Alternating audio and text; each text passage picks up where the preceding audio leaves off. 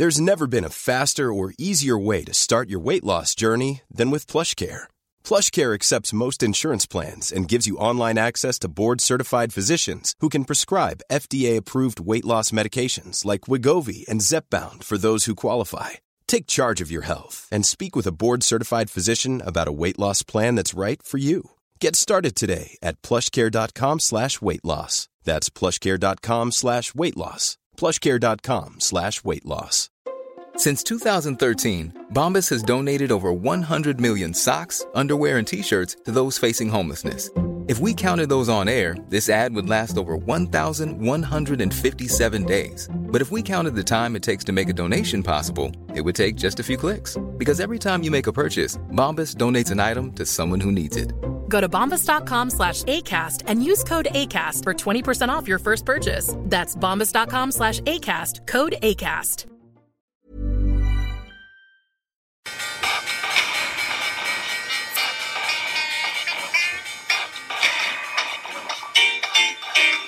The governments don't rule the world.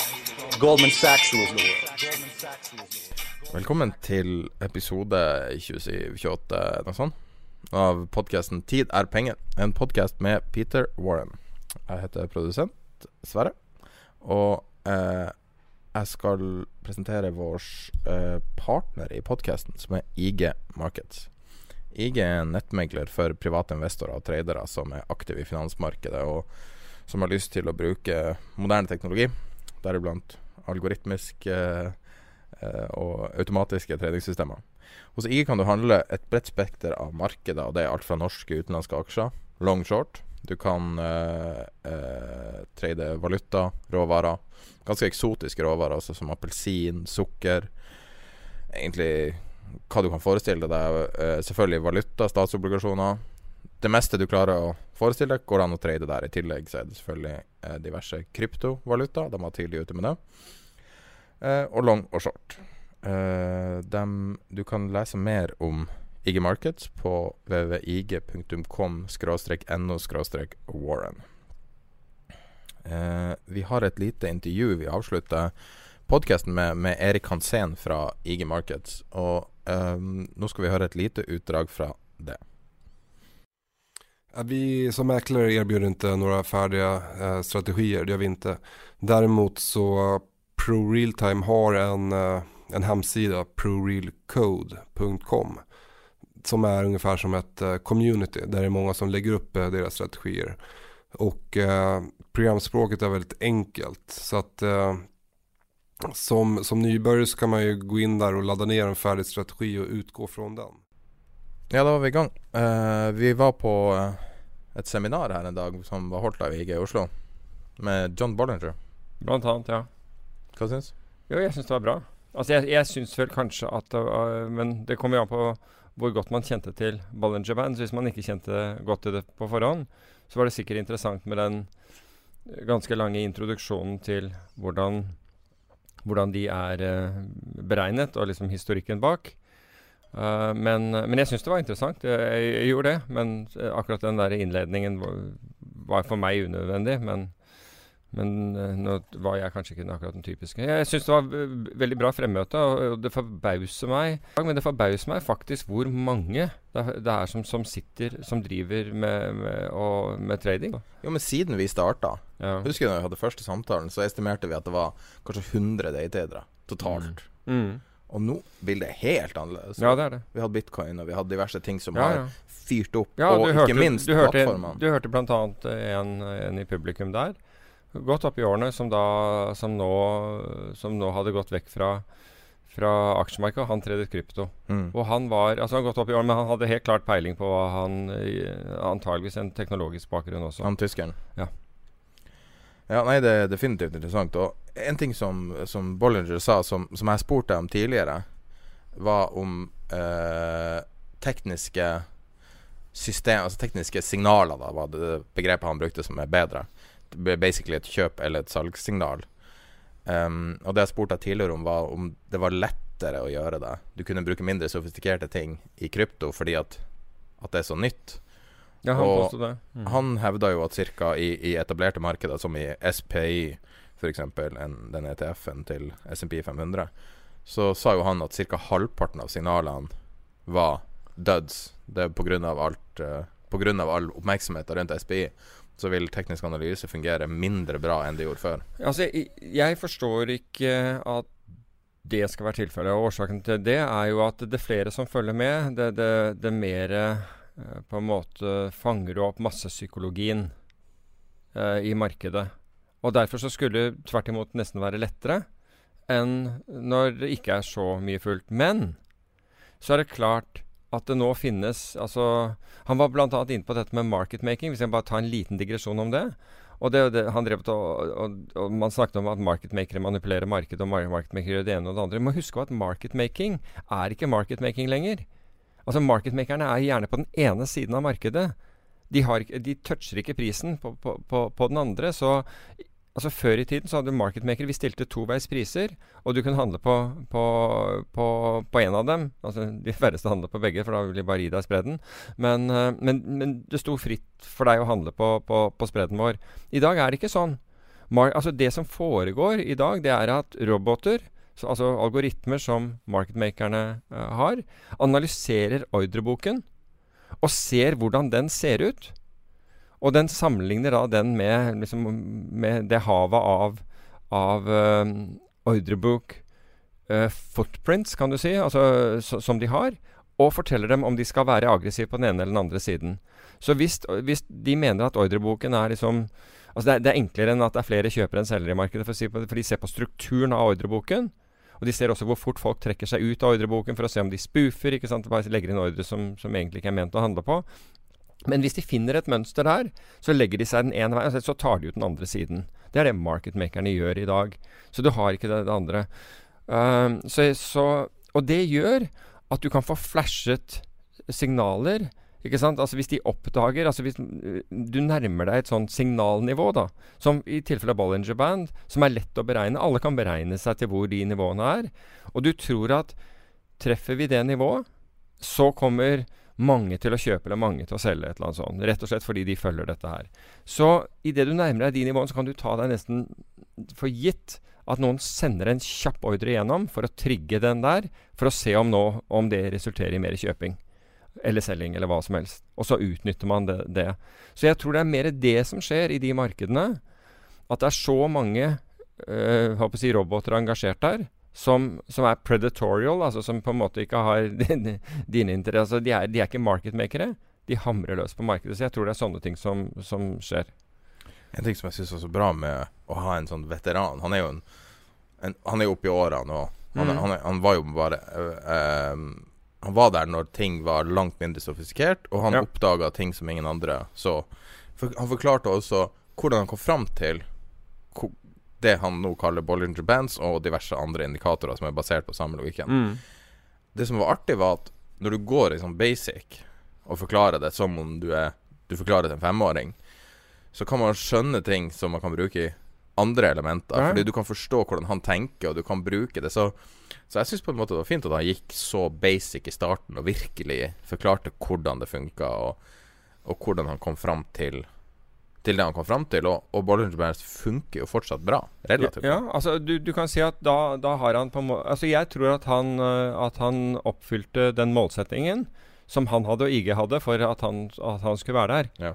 Um, men du spurte liksom hva jeg mente, og det, det, var akkurat det at det var litt sånn lang, langtekkelig innledning, fordi jeg kunne matematikken og visste hva det gikk ut på. Ja. Men, jeg, men, men, jeg er ikke en antageligvis ikke den typiske, typiske lytteren på det. Og jeg tror han nådde, han nådde, målgruppen sin, for å si det på den måten. Det tror jeg han gjorde. Og, ja. og jeg syns det var bra.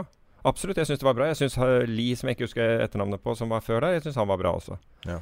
Så Han la jo fram en tradingstrategi. Jeg vet ikke om det er mulig å finne den uten å ha vært der, men han la jo fram en veldig konkret tradingstrategi basert på tekniske mm. signaler. Ja, og det er jo mange som, som, bruker det i dag, men de aller fleste har jo på en måte skrevet dette om i, i, i, i kode og programmert det inn, ikke sant? så de sitter ikke nødvendigvis Han, han gjorde det. Han, han, hadde, han, han brukte det IG-systemet for å Ja, det stemmer det. det. det, stemmer. Han brukte noe som jeg, som jeg tror han kalte pro realtime, pro, pro real til, til, å programmere di, disse, disse signalene. Og Men verden har forandret seg. Det som ja, ja. før kaltes roboter, det var umulig og alt. Nå er det bare det mest selvfølgelige. Du har tilgang på det nesten gratis. ja. Men ja, ja, absolutt. Og det er mange som tilbyr det. Og, og de tilbyr også slik at du trenger ikke å være Altså, du, du trenger ikke å kunne skrive kode selv. Det fins systemer der ute hvor det er sånn click, drag and drop, hvor du kan droppe inn. Altså det, da, Ja, Pro Realtime er jo sånn. Ok, greit. Men, men altså, hvis du vil ha en indikator der, så, kan du, så bare klikker du og dragger den inn i, i systemet ditt. Ja, nei, veldig det er litt artig. Jeg, jeg tror det er derfor tradere kommer tilbake også, for det var en periode der du følte deg utmanøvrert. Altså Jeg tror at du hadde en helt annen Du hadde en helt annen generasjon. Det var generasjonen som fikk særinformasjon på en eller annen måte. Mm. Gjennom, og Vi har snakket om dette tidligere, der hvor, hvor meglerhusene ikke sant, ser, ser alle ordrene som kommer inn, og så, så sier de til sine beste kunder at nå, i dag har jeg skikkelig mye kjøpere av Hydro. Og til og med ville fortelle hvem det var som kjøpte f.eks. at Fidelity skulle ha et stort antall Hydro. ikke sant? Og du trenger ikke å være Du trenger ikke å være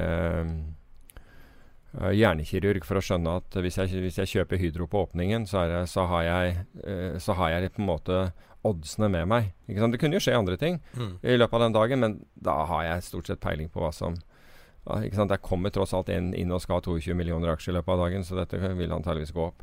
Han nevnte dette her, altså hvordan du Riktig posisjonsstørrelse. Husker du det? Han, han var inne på dette med riktig posisjonsstørrelse.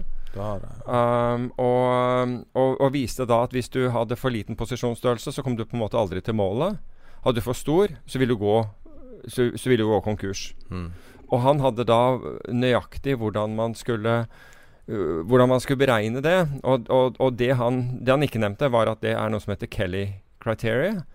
Um, og, men den Det er ikke mulig å gjøre det han, han sier. Altså du, den, den kan forbedre definitivt hvilken posisjonsstørrelse du bruker, men du, du må, det du må gjøre, er å se på altså Som Kelly krever, det er at du ser på antall gevinster du har i forhold til tap. Og den ser, den ser på øh, størrelsen av gevinster relativt til størrelsen på tap. Det er liksom inputene i Kelly Criteria. Og så, du, så er det en formel som du setter dette inn, så får du hvor stor andel av din kapital du skal bruke i hver trade. Ok? Men denne er ikke laget for finansmarkeder. Den er laget egentlig for gamblingmarkeder. F.eks. Altså rulett, for da har du, da har du negativt utfall uansett. Hva sier du? Poker Ja, du kan bruke den i poker. Altså der hvor du har faste sannsynligheter. ikke sant? Der hvor sannsynlighetene er X. Altså Det er det ikke i aksjemarkedet, for aksjemarkedet er ikke Altså du kan ikke Altså du, du kan gjøre så mye dataanalyse du vil, og si at du har 80 Li- Han Lien mente at den ene modellen han hadde, hadde 90 eh, eh, treff.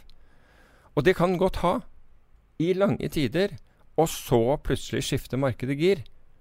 Og det er akkurat derfor altså Kelly Criteria, og som, som, eh, som jeg nevner, han refererte uten å nevne navnet um, Altså, det har en verdi, men det er, det er på ingen måte en absolutte sannhet. Det kan definitivt forbedre det du gjør. Men hvis du ikke forstår at dette her at sannsynligheten dine fordi om du har 100 handler og du har 74 av dem er, er vinnere, så ikke Altså så kan du ikke legge vekt på at det tallet Altså Det er ikke som om 74 av treff vil forfølge deg herfra til evigheten. Sannsyn all sannsynlighet gjør det ikke det. Men det er ikke det Kelly-kriterium, er ikke det det det der svenske fond Det er jo et sånn, prop propshop som har eh, Der de steiker folk. Det er mange Eh, propshops som gjør det. Ja, Ja. hva, hva da var det? Eh, Men som bruker Kelly for det? Ja, og så hvis du Ja, taper, så halverer de, uh, halverer de sizen din. Nei, det, altså Millennium har den. Ja, Millennium var det. Millennium. Ja, er, Ja. Ikke det, er ikke det en slags variant av, av uh, Jo, jo, det er på en måte, men de bare gir deg hard den der. At liksom taper du, taper du 3% så halverer de allokeringen til deg. mm. Men det er klart også at før de bestemmer hvilken allokering, om du skal få 200 millioner dollar, eh, som, som mange har fått, eller om du skal få mye mindre Det er vel få som har fått mer enn 200, men det er, det er en, en, i hvert fall flere jeg kjenner som har fått Jo, det er de som har fått mer enn 200. 500 er vel det største de har fått. Um, så, så analyserer de uh, altså hvordan, hvordan du trader. Volatiliteten, altså sharp ratioen din, det, altså hvilken risikojustert avkastning du har. Og det mer risiko du tar, det mindre allokering får du. Så enkelt Mm. er det. Og, og, og sånn allokerte jeg til traderne som, som jobbet for meg òg, i forhold til hvor volatile de var. Men du sier man ikke kan bruke Kelly på uh, trading direkte fordi Jo. du vet ikke utfallet. Men hvordan vil du gjøre det, da? Nei, altså du, du, kan gjerne bruke Kelly, men altså, det er som med mange andre ting innenfor, innenfor finans. Altså, du kan, Kelly er et nyttig hjelpemiddel, men du må forstå begrensningene til Kelly. Mm. Som jeg nevnte, altså, har du 74 eh, treffrate, og liksom, det har du hatt på de siste 100 handlene dine, så er det veldig sannsynlig at den vil være et, et annet tall enn 74 på de neste 100. Slik at hvis du, hvis du plugger tar 74 inn i, inn i Kelly-modellen, så får du da ut at la f.eks. du skal risikere Jeg vet ikke hvor mye, for det kommer an på det andre tallet også. andre forholdstallet, Men la oss si at det sa at på hver handel skal du risikere 30% av kapitalen din. Så kan det være at det er ganske feil i, de neste 100 dagene. Men det gir en indikasjon om hvor du ikke sant? Og det mer data du har, og det, og det lavere volatilitet resultatene dine har, det større sjanse er det for at du på en måte oppfyller Eller at Kelly kommer til å virke for deg. da Det er liksom praktisk. Ja. Ja, det er praktisk, men jeg, praktisk. jeg, jeg tenkte at det er, tenker at det er greit for folk å, å vite at uh, For det er, det er, få som tenker på det. Men starte med Kelle-kriteriet, uh, Wikipedia-sida. Og så begynne å lese der. Ok, Jeg har ikke sett den, men, men, men, Nei, men, men du kan si at vi brukte Kelly, av, vi brukte Kelly uh, men, vi bruk, men, vi brukte den på de forskjellige modellene. For hver, hver modell hadde forskjellige sannsynligheter, altså opp, oppførte seg forskjellig. Og vi, vi, la det til grunn, sånn litt på posisjons... Altså det, i tenkingen vår. For hvor mye Ikke sant. Vi, en trendfølgende modell satser du kanskje et annet beløp enn du gjør på det som kalles mean reversion uh, trades. Altså hvor du, hvor du En uh, mean reversion-strategi, da mener du at liksom tidvis at markedet har gått for mye opp eller for, for langt ned. ikke sant, Så du forventer en, en pullback. Um, du, og det vil være helt forskjellige allokeringer til de forskjellige. Det er veldig få som har en trendfølgende strategi, som har særlig Mange av dem er ikke over 50% treffprosent. Og det trenger du ikke ha heller, bare så det er sagt. Du kan ha 40. Jeg vet om var det Tom Baldwin som ble den mest kjente traderen i Chicago. Han var definitivt den største i, i T-bond-pitten. Han mente at han lå på 30-35 3% og tjente styggmye. Som i Treasury Bonds? Ja, i Treasure Bond Future. Men da har jeg en fin overgang til uh, det som vi egentlig skal ha som første tema. Da Vi snakka ganske lenge om Bollinger. Og jeg anbefaler å lese om Bollinger Bands og alt mulig. John Bollinger har basic finans. skrevet en bok. Uh, basic trading, basic finans. Jeg likte det. Han går tilbake til utgangspunktet. Men nå var jeg jo ødela min egen overgang. Mm. Uh, Idet vi snakka, så bikka uh, tiåringen, amerikanske tiåringen under 3 igjen. Mm. 29999. Mm. Jeg vet ikke hvor mange tre, tre etter komma. Og um, vi er oppe er vel ca. tredobla fra bunnen. Nei, ikke fullt. Hva var bunnen? 1-3 et eller annet? 1,3% Så det blir veldig mye dyrere å være i USA når man skal refinansiere seg. Vesentlig dyrere. Ja, og, og det ser du også. Mortgage rates, altså boliglån og alt mulig sånn, har, har gått opp. Og det har vært mange uh, overskrifter i Financial Times som har liksom Hva skjer? Altså, det, det er verdens undergang hvis, uh, hvis uh, amerikanske tiåringen går over 3% altså bare Så det er klart at den har vært langt høyere tidligere. Altså den, altså, den har jo falt fra 1960 omtrent. Den, den Siden 1982. Siden jeg ble født. ok. Men, men, poenget mitt er, er at er at man, man, man Men det, dette har jo med hvor vi er enn i dag, ikke sant? Og, og, den gjelden vi har i dag, som gjør at man, man frykter hva skjer hvis tiåringen går over 3 osv. Og, så videre, og så er det sånn full panikk. Og da, da, tenker jeg tilbake på altså Si rett før Trump eh, ble, øh, ble valgt, hvor, du, hvor, da renten er nede i 1,3% Og hva er storyen når Eller hva er diskursen? Hva er det public opinion når renten er ned i 1,3 Nei, Det er ikke noe vits i å putte penger i statsobligasjoner. Du får ikke nok rente. Um, det er ikke nok til, til, pensjoner, det er ikke nok til noe, noe, som helst. Og alle er fortvilet fordi renten er så lav at du kan ikke putte pengene dine inn i noe trygt lenger. Well, welcome to today. Nå kan du faktisk gjøre det. Og ikke bare det, men hvis du kjøper amerikanske treasuries på, på, altså til en rente på, på eller en yield, en avkastning på 3 så er den bedre.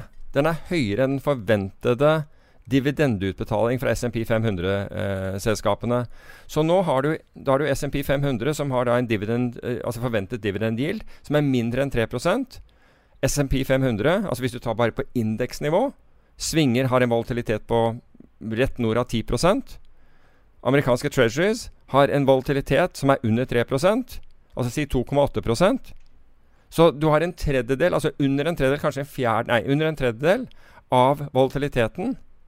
Så hvis, du, hvis, hvis det er liksom dividenden du er ute etter, altså ikke fortsatt kursstigning, men dividende, så har du nå har du endelig fått en, en mulighet til å diversifisere. Nå kan, nå kan, du ta altså Det har jo nesten ikke virket med diversifisering fordi liksom, aksjemarkedet har gått én vei, og det er blitt dyrt. Men nå har du faktisk noe du kan diversifisere med. Nå kan du flytte mer av pengene dine over i treasuries til en rente som er bedre enn den forventede eh, forventede, det, det, forventede utbyttet av aksjene. Og du kan gire da. Og du kan gire hvis du vil. Gire tre ganger. Du kan i hvert fall. Ja, du girer tre ganger kan... du sitter med 10% avkastning. Ja, ikke sant? Altså, ja, for, ja, for, å få deg opp i, i samme Altså, ja, minus, uh, minus finansieringskost, men uh, som, som du, du, vil låne kort og plassere langt. Uh, men ja det, det, ja det, kan du gjøre. Det kan du gjøre. Du, du ja, hvis du altså tenker deg hva et pensjonsfond trenger, f.eks. Ja, ikke sant. Altså, alle har klaget over lave renter. Nå har du faktisk muligheten. Ja. Så, men nå er alle plutselig blitt negative til, til, til, til den amerikanske tiåringen. Det er liksom sånn Ja, etter det har gått, ja. ja, ikke sant. Nå har de fått det de drømmescenarioet ja. fra bare et par år tilbake. Nå er det drømmescenarioet. Neste er inflasjon, da. Ikke sant. Ja, men altså, det er jo ikke mye tegn til det. Ja har du tenkt å ja, Nå leder det rett over i olje, er det det du skal si, eller?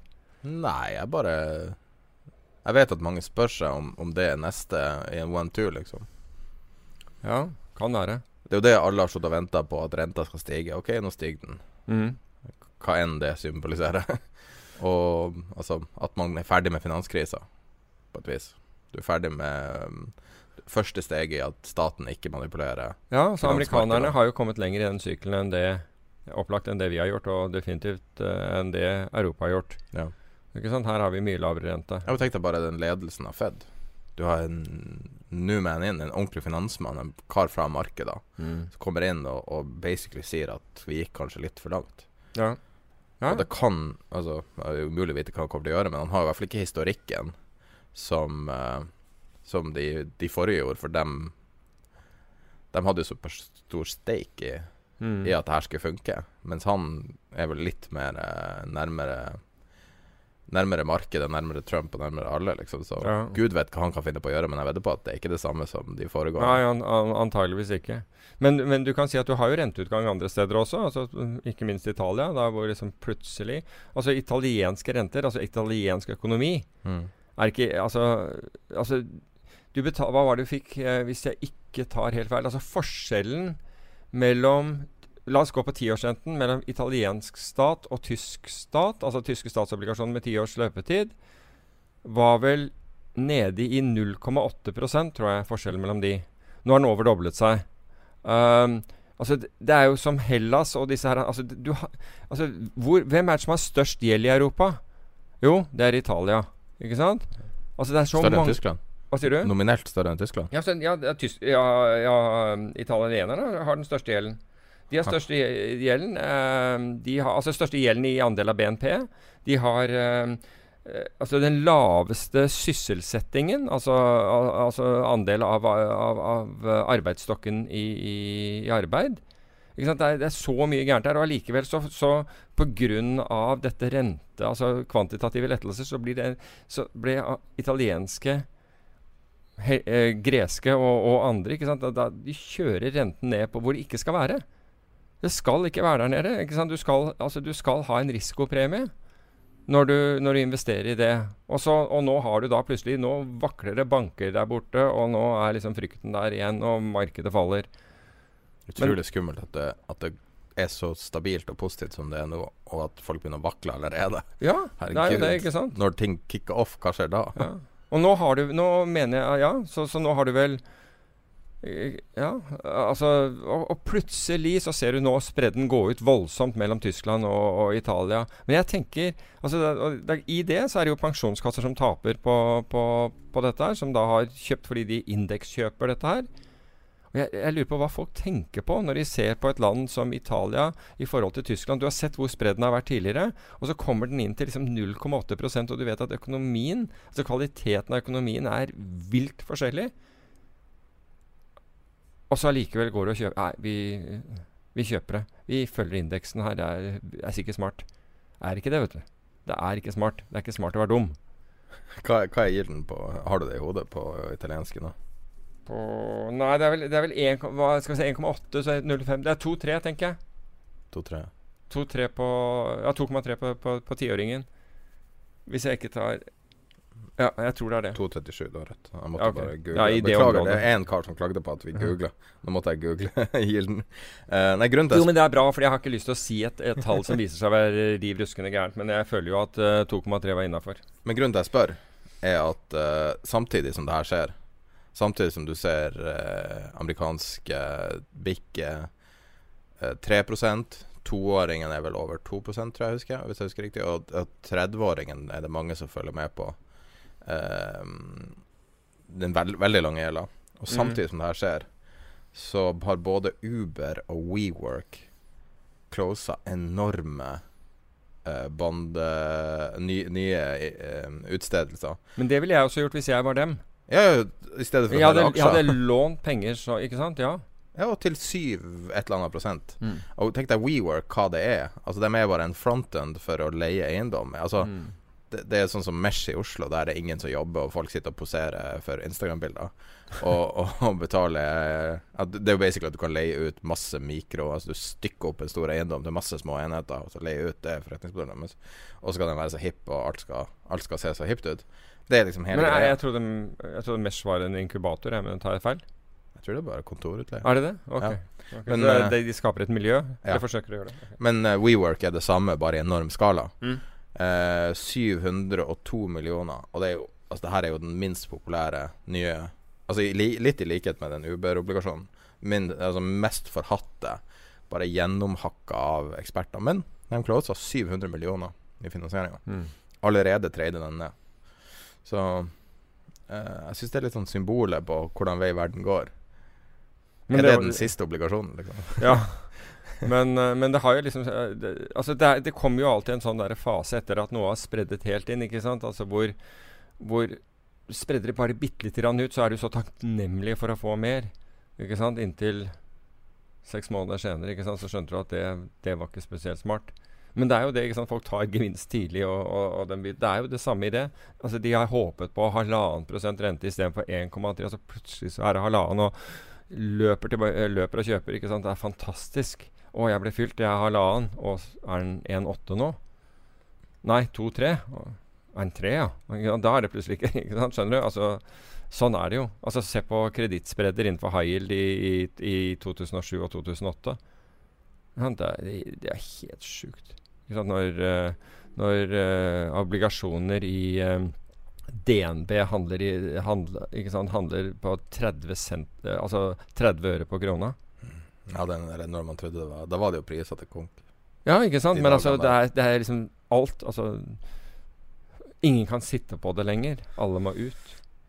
Var det de der, de der shippingporteføljen deres? Var det den som var prisa så lavt?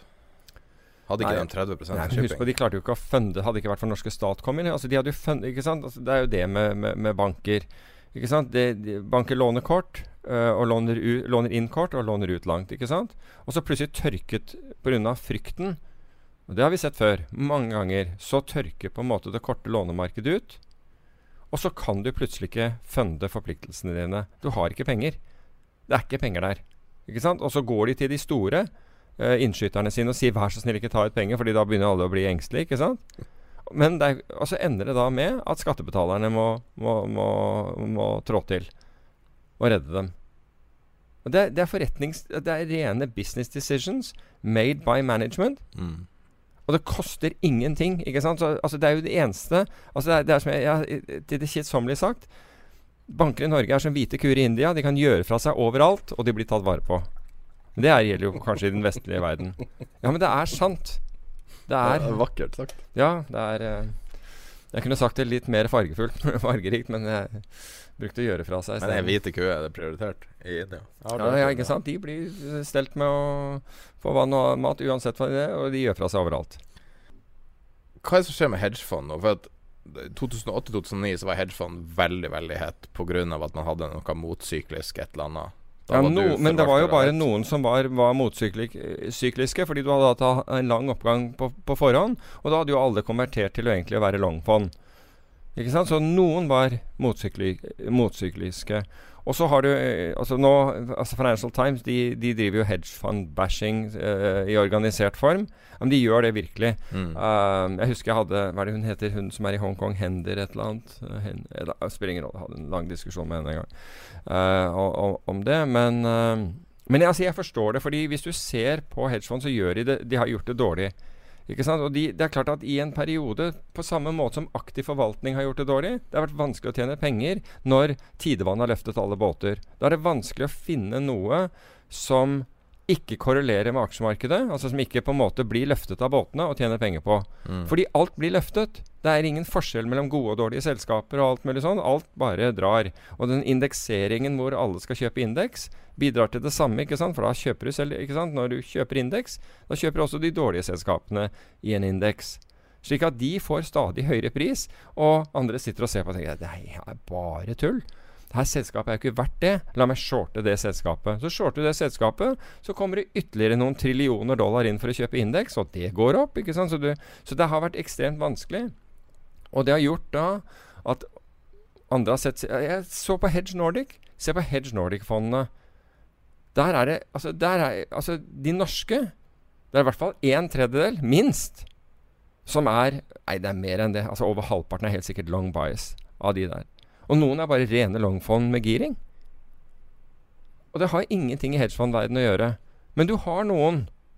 Du har noen, du har noen også i, i, Norge som er på en måte ikke korrelert med det som foregår, som er smarte til å finne andre muligheter som er der ute og som ikke er avhengig av disse faktorene. Men Financial Times tar alle over én kam, istedenfor å se på og det, sant? Eh, det har alltid vært noen som har vært bra, og det har vært noen som har vært bra systematisk over tid. Vi har snakket om Renaissance før. Millennium er, er en annen. Two Sigma er, er, en tredje. Winton har vi også snakket om. Fantastiske resultater. Noen få år med tap, men de har vært veldig veldig små.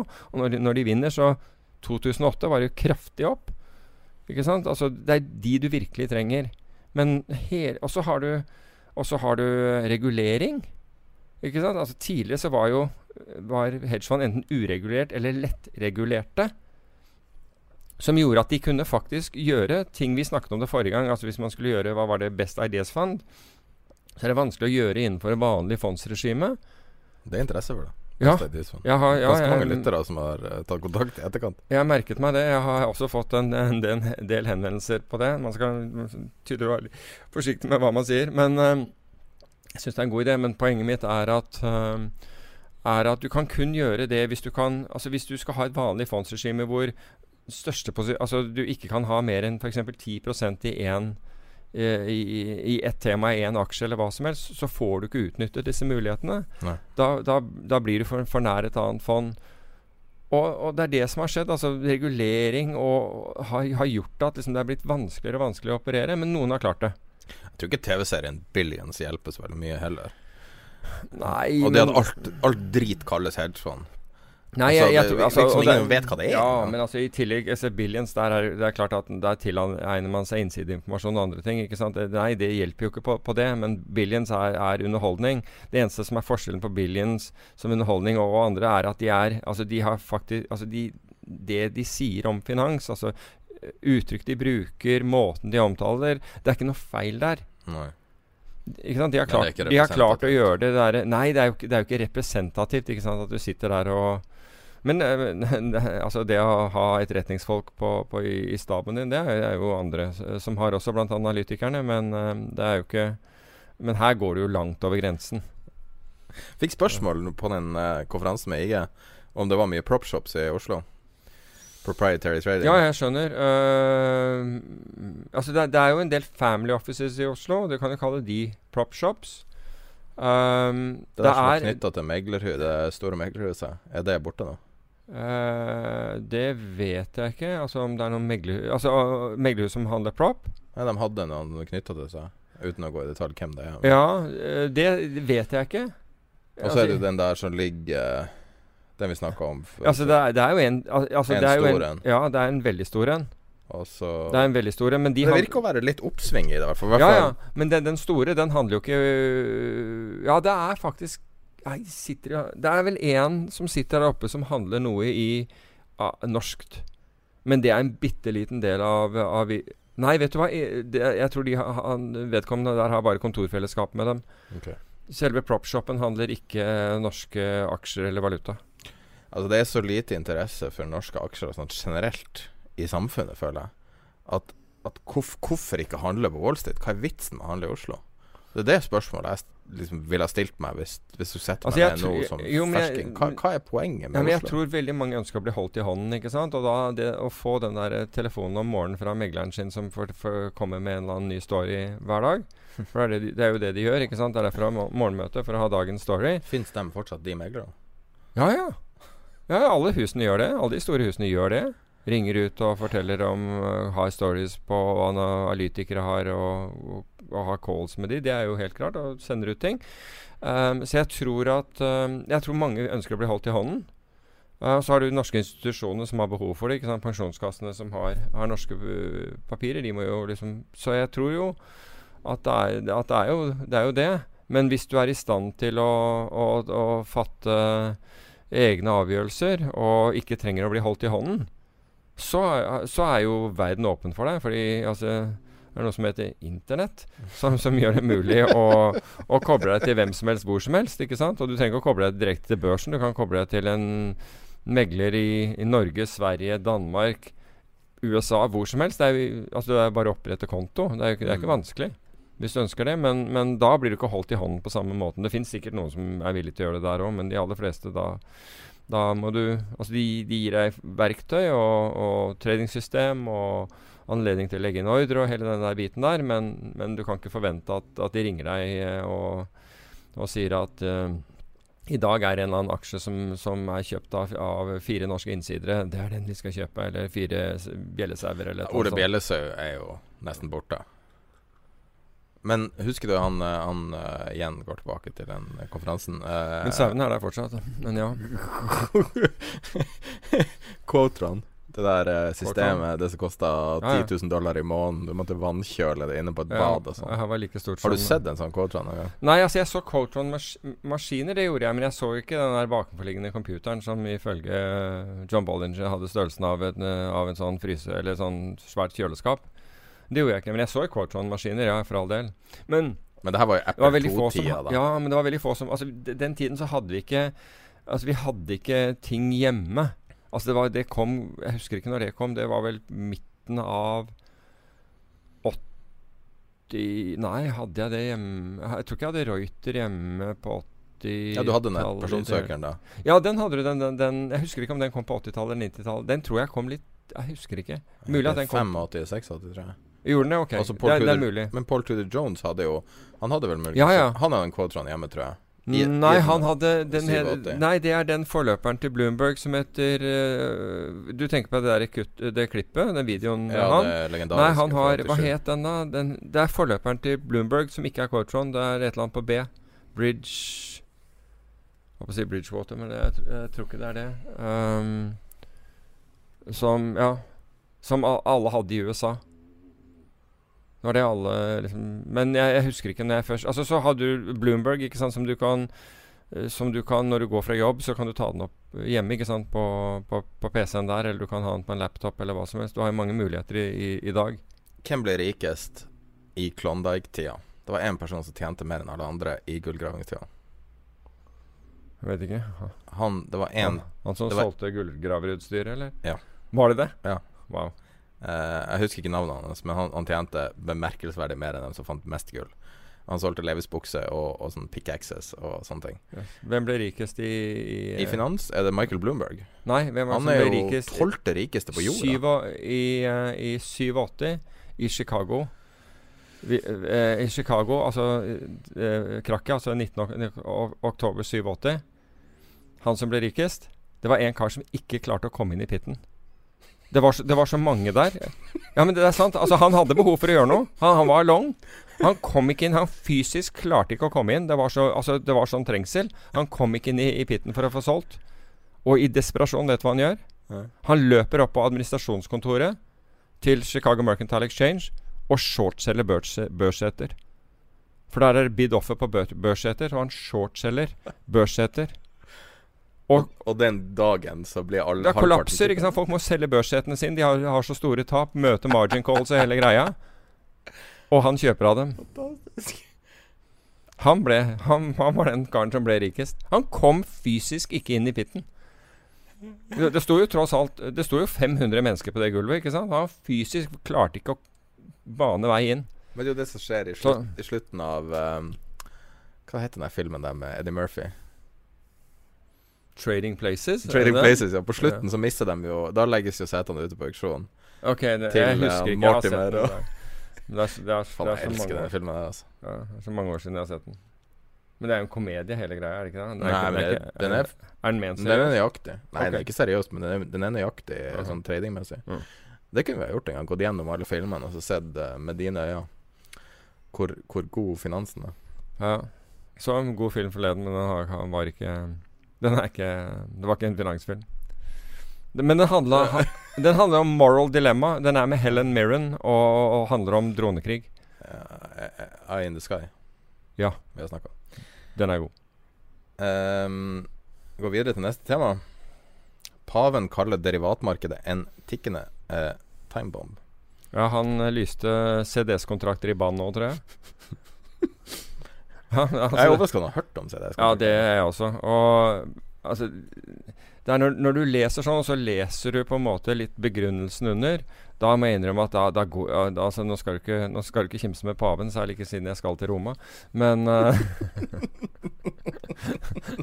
På en sånn der årlig sak Goldman Sachs har der. Men, uh, men eh, da, da, går du litt i, da går du litt i svart. Altså CDS-kontrakter og, og årsaken til dette er at du kan spekulere på folks nød. Det er liksom det er, det er greia. Det er destruktivt. Du kan spekulere på folks nød. Og da tenker jeg, da lurer jeg på liksom, altså, hvordan, hvordan finans takles i, i Vatikanet. For altså, for det første, CDS-kontrakter og øh, generelt, det å gå short, altså short-aksjer, eller å kjøpe salgsopsjoner, er samme. ok? Og hvorfor har vi det? Jo, vi har det for prisingsmekanismer. For å få, for å få så korrekte pris, prissetting som mulig. Hvis du ikke hadde de mekanismene, så, så går gjerne markedene mye høyere enn de skal. Fordi det er ingen som kan ta den andre siden, med mindre du har. Ikke sant? Så det er helt legitimt å gå, gå short aksjer i dag. Det er helt legitimt. ikke sant? Du må låne dem inn, men du kan gå short. Du kan kjøpe deg salgsopsjoner, og CDS beskytter deg mot konkurs. Eller du kan, du kan si at dette her er himla overprisa. Jeg tror at, at, øh, at øh, disse obligasjonene kommer til å falle i verdi, og da, da vil du tjene penger på, på, på CDS. Men, men så går det tilbake til dette, og man henviser til Warren Buffett, som kalte det 'weapons of mass destruction'. Legg merke til én ting når det gjelder Warren Buffett, som sa, kalte dette masseødeleggelsesvåpen. Det var etter, han, etter at han systematisk over et antall år hadde utstedt sånne kontrakter selv. Så han så, fordi han så det som en del av forsikringsvirksomheten. Så han, de utstedte, Berkshire Hathaway, Hathaway utstedte da kontrakter. Denne type kontrakter. Altså de utstedte forpliktelser, slik at du kunne Hvis du kjøpte den der, så, så, så kunne du beskytte deg mot nedgang i, i obligasjonsmarkedet osv. Så, videre. så når da finanskrisen inntreffer, da kaller han det masseødeleggelsesvåpen og lobbyer overfor det amerikanske finansdepartementet at de skal, de skal nulles ut. Så han ikke skal betale for forpliktelsen. Så tenk deg hvis du har forsikring på huset ditt, og så etter at det brenner ned, så løper da forsikringsselskapet ditt til myndighetene og sier du, jeg syns ikke jeg skal betale for det. Det skjer jo i virkeligheten. Altså. Ja, dessverre. Men det, var, det er Ikke sant? Og så, så henviser man til det. Men så ser man ikke på Men det var ikke derfor vi fikk finanskrisen. CDS-kontraktene skapte ikke finanskrisen. Bankene skapte finanskrisen. Hvorfor? Jo, fordi Og sånne som, som Berkshire Hathaway. For de utstedte disse kontraktene uten å måtte stille sikkerhet for sine forpliktelser. Så bankene kunne selge så mye de ville av dette her, og de trengte ikke å sette av en krone som sikkerhet for de forpliktelsene hvis det dette er her årsaken til AIG altså. Nettopp! Ingen stilte sikkerhet. Hvorfor i alle dager trengte Mens vi vi, sikkerhet? mens vi som kjøpte dem, Ja. Vi kjøpte dem, ikke sant, og med CDS-kontrakter så, så forplikter du deg til å betale en premie. La oss si du kjøper en ti års CDS-kontrakt.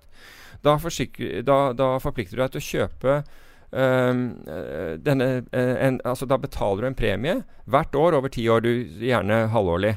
Ikke sant?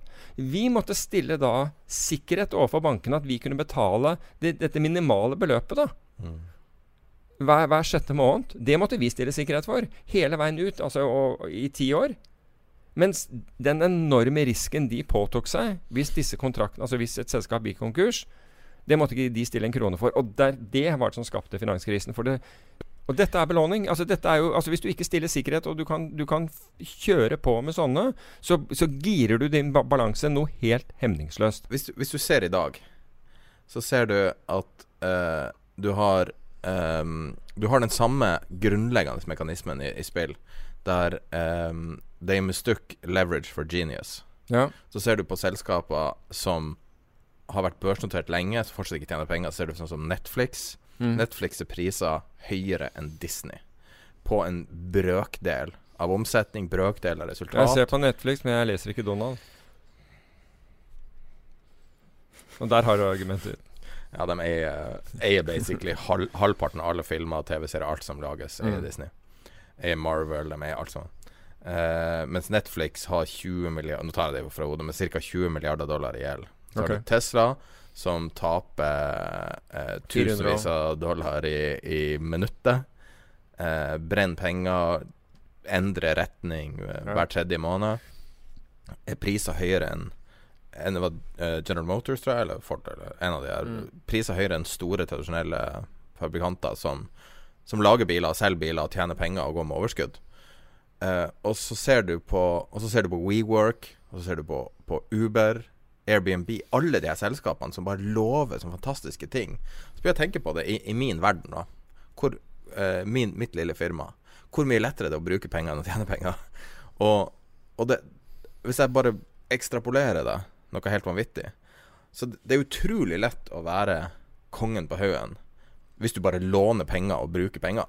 Det er utrolig lett å sende opp en rakett hvis du bare taper en million dollar på det. Men prøv å gjøre det og tjene penger. altså, ja. Og det er det jeg mener at Er det her slutten av syklusen? Er det her bare They mistook leverage for genius? Jeg vet ikke. Jeg, jeg satt, jeg satt uh, uh, utenfor en, øh, en vinbar i, uh, i Bygdøy allé forleden kveld. Og bilene som kjører forbi der, altså i Bygdøy allé på kvelden Altså det, altså det ser ut som en skraphaug på, på parkeringsplassen i Monte Carlo i forhold til det. Det er jo helt sjukt hva det finnes i øyeblikket. Og det er unge karer som dundrer løs med, med, med, med disse bilene. Altså Noen av dem er vel omtrent halv meter opp av bakken. Mm. Det er jo en bilpark, så det er helt insane. Så ja, jeg tror det. Det er mye lettere å, å, å bruke pengene enn å tjene pengene. For jeg tror at dette her er Jeg tror dette er kreditt. Gone ballistic. Men altså når vi ser Treasuries nå Se hvordan det går. Er det her Altså Det her er en Er det her en udetonert bombe av bare episke proporsjoner? Og så sitter man og ser bakover i tid, og CDS-er og paven og alt mulig. Og så ser man ikke det obvious, the glaring obvious, som Men er folk det Folk glaring tjener obvious. ikke penger. Nei, men folk ser jo ikke det glaring obvious. Ikke sant? Det ser du jo på, det ser du jo på gjeldsnivået rundt omkring. De, de gjør jo ikke det. Ikke sant? Og når, ta- for eksempel, vi, vi snakket akkurat om, om, om, øh, om den italienske gjelden i forhold til uh, bruttonasjonalprodukt. Ikke sant? Altså, de, de er nummer én i Europa når det gjelder non-performing loans. Mm. Og enda så låner de etter min oppfatning fortsatt billig. Altså, vi, folk bryr seg ikke lenger. De er helt sikre på at, uh, at en eller annen, uh, Jeg har sett det der på gruppen også. Alle er sikre på at det norske boligmarkedet. Staten kommer inn og redder. Og sånn tror man overalt i verden at sentralbanker kommer inn og redder eh, De skal redde de formuene igjen. Why? Ikke sant? Altså, vi, har, vi, vi mangler en mekanisme Du snakker om prisingsmekanismen som CDS gjør. ikke sant? Price discovery. Vi mangler den mekanismen, for vi, til, vi tillot den ikke etter finanskrisen. Hadde vi gjort det, så hadde jo mange, eh, mange banker gått over ende og mye annet skjedd. Vi tillater ikke den naturlige mekanismen, altså som du har i ellers i samfunnet. Du har den i i, eh, altså i, i jungelen. Du har, den, du, du har den rundt oss. altså Der gjelder visse prinsipper. Vi tillater ikke det. Vi har liksom lagt et lokk på dette. her. Vi har lagt et sånn kunstig lokk på utviklingen gjennom å bruke av fellesskapets midler til å, til å, til, til å sørge for at de rike og dumme eh, klarer seg. Rike og dumme. Altså Du kan være rik, du kan være dum, men når du er rik og dum sam samtidig og, og har kjempehøy høy leverage Vi tillater de å overleve, ikke sant? mens det er de svake dyrene som aldri burde vært der. De kontaminerer society og flokken. Har du noen gang vært på ei lang reise, sånn jobbrelatert, der du eventuelt sliter deg i hjel? Altså noe som tilsvarer en turné for et band. Og så, den dagen du kommer hjem, så blir du syk. Kjenner du til det fenomenet? Nei, jeg kjenner, nei, fenomenet for meg var at jeg sleit meg ut før jeg dro, dro på ferie. det er helt sant. Altså, så du kan si at når, den dagen man skulle på ferie, da ble jeg Jeg Ja, tuller ikke. Men, det- men det er det som Nesten er. alltid syk. Men jeg kan forklare deg hvorfor. Og- ja, for da slapper av. Altså, Nei, du har, for du har eh, Nå, no, no, prøver jeg å respektere han karen som ikke vil at vi skulle google, så nå husker jeg ikke Mm. hva det hormonet heter. Men du har, eh, du har steroid, naturlige steroider i kroppen ja. eh, som maskerer symptomer. Og grunnen til at det her Man skulle tro at grunnen til at det her er sånn, eh, akkurat hvorfor ting skjer, er jo vanskelig å si. Men det maskerer symptomer for at du skal komme deg gjennom et eller annet vanskelig. Ja, ja, ja. Jobb, en jobbuke, Mm. eh, en jakt på et dyr, et eller annet. Du Men på et eller annet tid For det her sliter på systemet. Så Mm. steroider i kroppen altså Men da, da, altså, høyt kortisolnivå Kortisol er, er antageligvis det Ja. du beskriver der. For det er helt riktig. Altså, har du høyt over tid, så er det dødelig. Ja, men det kortisol gjør, er jo helt fantastisk, fordi at det bare stopper alle symptomer. Ja. Så hvis du har eh, min, eh, Jeg hadde en hund før som hadde masse hudproblemer. Hvis du ga han du ga han en steroid, så forsvant jo hudproblemene. Mm. Men inni så bare ble alt bare, bare ble verre, verre, verre, verre, verre. Og sånn er det på, på folk også. Det er derfor stress dreper deg. Det er basically Ja. det hormoner. Mm.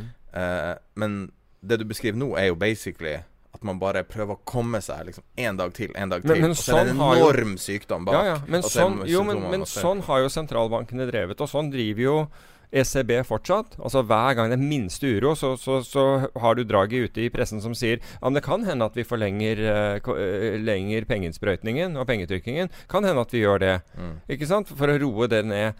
Men bakenforliggende, altså i samfunnet da for øvrig, de går rundt i la-la-land, de. Og, og tenker at ja, men sånn er det. Det er jo sånn. Det skal være sånn. Det er jo rolig. Det skjer jo ingenting. Det er ikke noe Arab up uprising. Det er Jeg, jeg, noe tror ikke, jeg tror ikke det er tilfellet. Har du merka deg at folk drikker mer i Oslo? Har du merka den der 17. mai-fylla? Nei. Nei Har du aldri vært i Oslo sentrum på 17. mai? Jo, men det er så mange år siden at uh, Jeg har observert siden jeg flytta til Oslo i 2001. mhm. Flytta til 11.9.2001. For øvrig. eh, så i den perioden Ja. det var litt sånn traumatisk forslag. Og uh, siden, siden det skjedde, så har jeg observert at fylla, sånn generelt fylla, har altså eksponentielt økt. Folk drikker noe helt grassat, og på 17. mai så drikker altså helt absurde mengder. Folk ligger, ligger flatt Uh, på 17. mai. Men, men jeg, altså, det er, det er vel ikke Jeg noe tror det er et sånn samfunnsstress ja, på grunn av giring, og folk bare har lyst til å glemme det en dag, og bare drikke alt bort. Nei, tror du det. Altså, jeg tror jo mer at det der at det begynner med liksom litt fuktige frokoster, eller hva, hva Selvfølgelig hva er det det- er det sånn folk det- har. Men jeg tror mer det der er at du har Hvorfor vil de drikke? Hvorfor vil folk Nei, drikke? men altså, fordi, fordi det, altså, det tror jeg er sånn Det, det tror jeg er emosjonelt. Det er forbundet med liksom trivsel og, Ja, og Fordi at du er stressa hele tida pga. Ja, gjelda. men ikke nødvendigvis. Det er ikke nødvendigvis, men jeg tror det der er nesten er en form for tradisjon. Og så tror jeg det er mer Altså det der at folk blir panser, er vel mer en, en, en, en effekt av at de, at de normalt sett ikke drikker den mengden. Og plutselig, plutselig en dag så liksom slippes dette her løs. Og så blir det litt mye. Og, og i hvert fall hvis du er i, i, i varmen og kanskje dehydrerer og Men årsaken til at du, du drikker opprinnelig, kan Altså, det er bare en teit Jeg vet ikke. observasjon. Jeg, jeg, må ta, altså, jeg vet hvordan jeg er så nerdete at jeg må ha tall på det. For at jeg Vi kan kan begynne å se på det. Nei, men altså, jeg, sier ikke at, ikke du, jeg, sier ikke at ja, jeg sier ikke at du tar feil. Jeg, jeg bare sier at liksom For at for, Altså Correlation and causation er ikke det samme. Ikke sant? Korrelasjon og, og, og årsak er ikke, er ikke den samme. Men ok, Og- si det på en annen måte, da. Så, så jeg vet ikke om det er en korrelasjon mellom stress og gjeld og drikkingen, eller om det er en tilfeldighet at, at de at det er sånn. Og det, det er det som jeg Som Først må jeg liksom tenke over den hypotesen, og det andre er å formulere den på en eller annen måte, og så prøve å finne data på den i tilfelle. Men hva med skjørtekantindeksen? Syns du det er noe legitimt i det? Jeg vet ikke, jeg har aldri fulgt den. Men du vet- jeg, du vet hva det er for? Ja, jeg har hørt, folk, hørt folk snakke om den, men jeg, jeg, altså, jeg, jeg kan den ikke. Men jeg, jeg vet at, liksom, at, at lengden av, angivelig skal, skal fortelle noe om hvor, hvordan Det korrelerer med mm, basically aksjekurser. Jo høyere aksjekurser, jo, jo lengre fra bakken er skjørtekanten. Ok. Og det er noe man Altså, det er jo, det er jo sånn går- jalla-indeks. Så ja, så det går ut, så når vi går ut nå, så venter vi å finne alle i bikini? Er det det du sier? Ja, men det er jo nesten sånn, altså. Ja. Ja, ja men Og, men la oss si at det her er et reelt fenomen. Fordi at En annen ting er jo leppestiftindeksen også. Mm. Fordi at folk kjøper billig luksus i dårlige tider. og Derfor okay. stiger etterspørselen etter f.eks. leppestift uh, i dårlige tider. For okay. det er noen få ting du har råd til. Uh, ja, Eh, men jeg, altså, der tror jeg kanskje Altså, jeg, jeg kjøper den korrelasjonen. Men jeg syns det er interessant å bare Fordi folk har observere alle. behov for å og Jeg klarer ikke norske ut. eh, Reward themselves. Ja. Ikke sant? Og, og det er en billig, en billig måte å kunne reward yourself f.eks. med en leppestift. Men høye hus er en jeg annen ting. Høye hus, ja.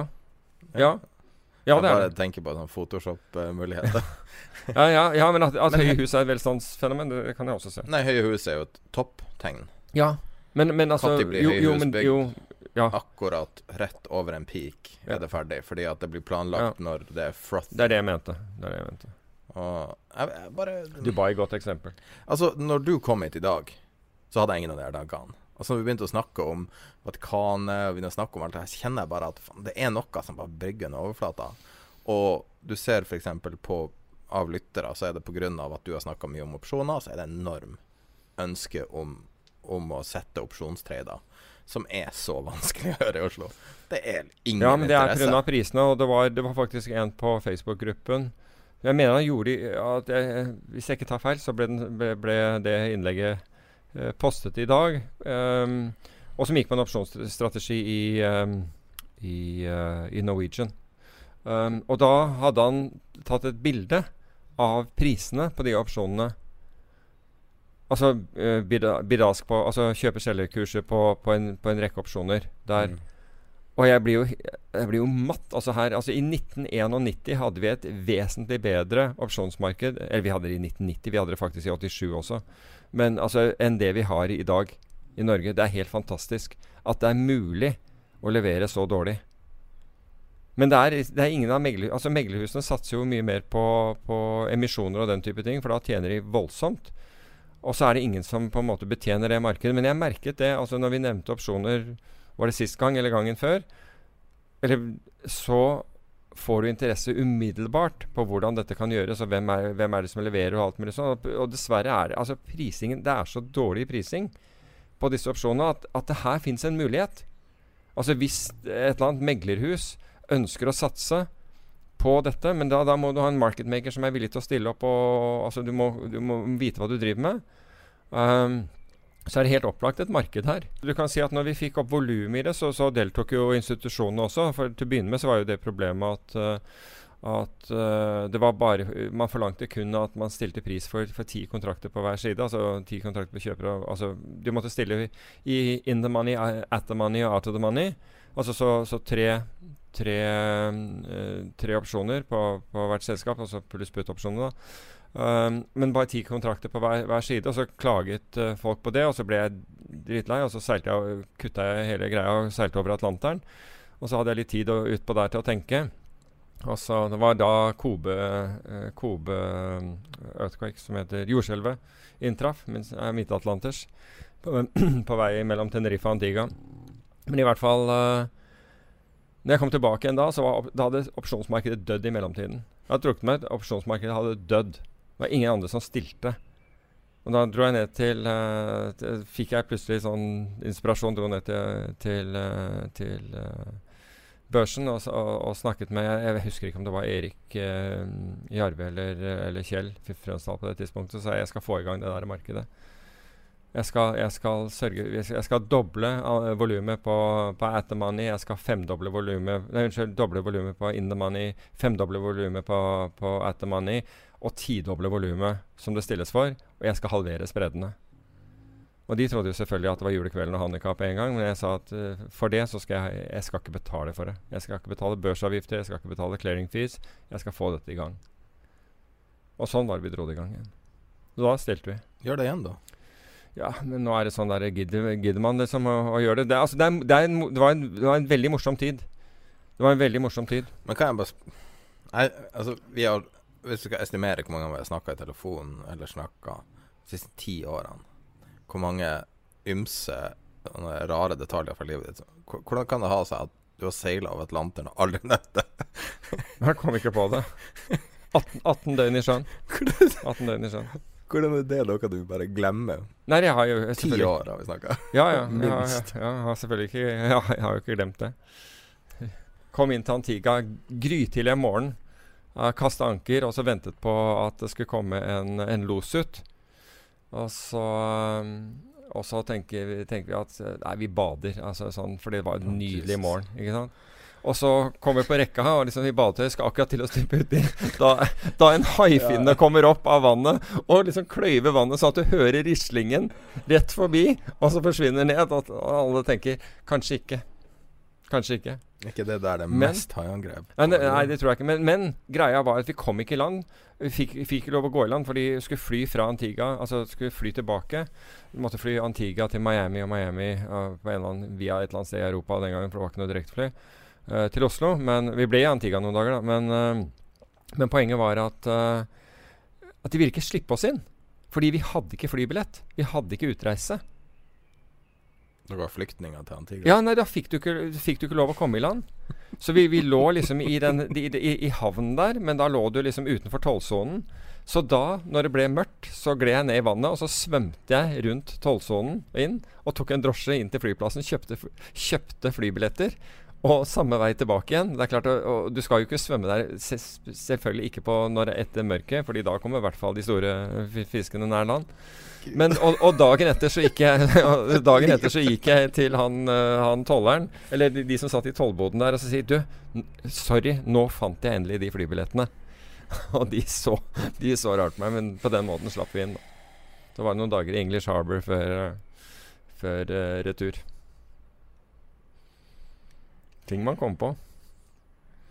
Things you do in Denver altså. when you're dead. Ja. Uh, vi, ganske, vi, har ganske mange tema igjen. Skal vi ta sånn uh, quickfire på slutten? Ja, det kan vi gjøre. Så har vi uh, opsjoner vi tatt. Han karen som kjøpte bitcoin i 2010, 22. mai hva, hva, er den pizzaen verdt?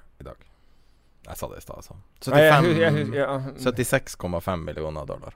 Så han betalte 76,5 millioner dollar etter dagens verdi for to pizzaer? Ja, var, jeg, tror han, jeg, tror han, kjøpte to. For han kjøpt, per pizza kosta 10 000 ja, bitcoin, tror jeg. Akkurat, ja. Så det, det, er egentlig 152 millioner dollar. Så ca. en milliard pluss minus. For to pizzaer. Men Vet du, på grunn av det kjøpet, ja, så ble det jo et marked det. for å kjøpe Vet du hvilken topping han bestilte? Ja, det er bilde av pepperoni-pizza ja. på den Men for hans del For hans del så håper jeg han bestilte med habanero, så han virkelig kjente det etterpå når han spiste det. At det var, ble memorable. Jeg lurer på om det fins bilder av det. Nei. Når han spiser den, eller uh, Man skulle jo tro at han tok bilder av det. Jeg vet ikke. I dag Men, så tar jo folk uh, bilder av alt. 2010, det var en different time. Ja, det er sant. SMP has worst week since April as utilities real estate drag. Ja, den syns jeg var fantastisk. Det var Financial Times på lørdag. Det er altså, Du leser overskriften 'Verste uken for SMP 500'. Ikke sant? Og viste seg å være siden april. Og hvor mye var SMP 500 ned på uka? Altså ikke på dagen, ingenting. 0,5% Da mangler du noe å skrive om. 0,5% og du klarer å ha en overskrift med det verste. Altså sånn der, Det var jo sånn at uh, vi fikk frysninger i ryggen og lurte på om verden besto. 0,5% ned. We live in strange times.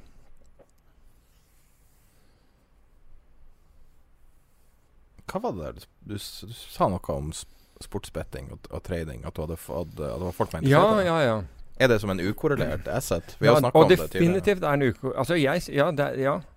Og altså, Jeg leste en artikkel om dette her for, for en tid tilbake, og det gikk bl.a. på at du kunne få datagrunnlag eh, for dette her. Um, og det som er spennende med den, er at altså sportsbetting, det er, da vedder du på alt fra uh, altså Du kan vedde på fotball, uh, fotballkamper, altså akkurat som Norsk Tipping. og du kan vedde på hesteveddeløp og masse andre ting. ok? I, poenget er at det i dag fins data på det, slik at du kan kjøre statistiske analyser. Og er, altså, denne ideen er, er, tatt opp av noen av de virkelig smarteste gutta in the room der ute. Altså Susquehanna, en del av disse her andre, som har begynt å, å, å se på dette her og modellere. Og, og de Altså, de, egentlig så var det jo en, en Hongkong-basert amerikaner som knocked it out of the park. Med, med å, han var den første som gjorde dette. Han hentet inn data og, og gjorde analyser. Og det gikk, så vidt jeg husker, på hesteveddeløp. Mm. Og han fant da ting med hester. Altså han, han korrelerte været mot performance altså, og alt mulig sånn. Hvilken form det var i, hvor lenge de, det var siden de hadde hatt sitt forrige løp, og alt mulig på dette her. Og han ble styrtrik av det. Hvis jeg ikke tar helt feil, så het han Bill Benter. Men altså, poenget her er at jeg skrev en artikkel om, om, om dette her med, med, fordi jeg syns det er et interessant område. Altså Det vi alle gjør i dag, det er å prøve å plukke ned den høyeste hengende frukten. Vi prøver å gjøre arbitrasje i valuta, ting som er supervanskelig og krever vanvittig med datakraft og, og hjerneteknologi. Mens dette er lavere hengende frukt, for her er det færre med. Og det mm. fins betting exchanges. Bare så det er sagt, vi har, vi har ikke betalt for å gjøre noe, noe, noe reklame for de, og, og, i hvert fall slik at og på betting exchanges så er, virker det som en børs. Folk kommer ikke sant? De er villige til å betale denne oddsen for en, en uh, nå, skal jeg bruke EPL. Jeg ante jo ikke hva det var. Pin Premier League-kamp. Ja, altså Min interesse for fotball, den er, den er, for å si det mildt, mangelfull. Men altså, jeg interesserer meg for dette. Så, så var det to stykker som henvendte seg til meg, og han ene han hadde da allerede Han, han drev med dette her. Og, og, og, ville gjerne ha et samarbeid og lurte på om jeg ville investere i osv. Men, uh, men poenget er at uh, han ene hørte jeg egentlig aldri altså Det, det spant ut i sand. Andre emigrerte. Uh, han, han, han, dro til en annen verdensdel. Men det er, et, det er et virkelig interessant område. Jeg er, jeg er egentlig ganske opptatt av det, av det, området. Jeg tror det er lavt hengende frukt der fortsatt. Uh, men, du må, men du må, ha liksom, du må, du må gjøre ordentlig dataanalyse. Og jeg tenker alle som slåss mot liksom, aksjemarkeder og valutamarkeder og hva det enn måtte være, rentemarkedet ikke minst. Dette her er, tror jeg er mye lavere hengende frukt enn en, en, en i de.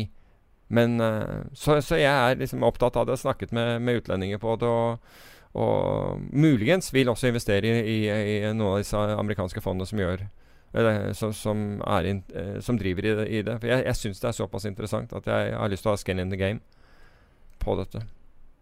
Det fins jo faktisk pokerspillere som du kan uh, Du kan uh, Steike? Ja. CSKN er vel De er vel pokerspillere, altså de folkene i fant? Nei, de er blackjack-spillere Blackjack, opprinnelig. Mm. Jeff, Jeff Jo, det er Jeff Jazz. Og den ja, den gjengen de er alle blackjack-spillere. DNB refses av Finanstilsynet for pensjonssparing. Ja, de har vel Kan du oppsummere hele din kommentar ja, med ett ord? Nei, jeg, ja, altså banker la, la, meg, altså, la oss bare anonymisere DNB, men det kan vi ikke gjøre siden det er dem. Eh, du allerede har nevnt det, men det har vært to sånne saker. En var penger som ble borte i åtte måneder mellom, to, mellom en kar som prøvde å overføre fra nå håper jeg ikke jeg tar feil, Odin til, til DNB. Det blir borte i åtte måneder mens Finanstilsynet sitter på gjerdet der. Og nå er det kritikk av hvordan DNB har håndtert pensjonssparing. Bl.a. at rådgiverne har hørt mer på sjefene sine og deres mål enn å, å, å, enn å ivareta interessen til, til kundene. Ikke sant? Det er relativt Altså Det høres for meg som relativt grove overtramp. Poenget er at det er en gang til. Og hva skjer?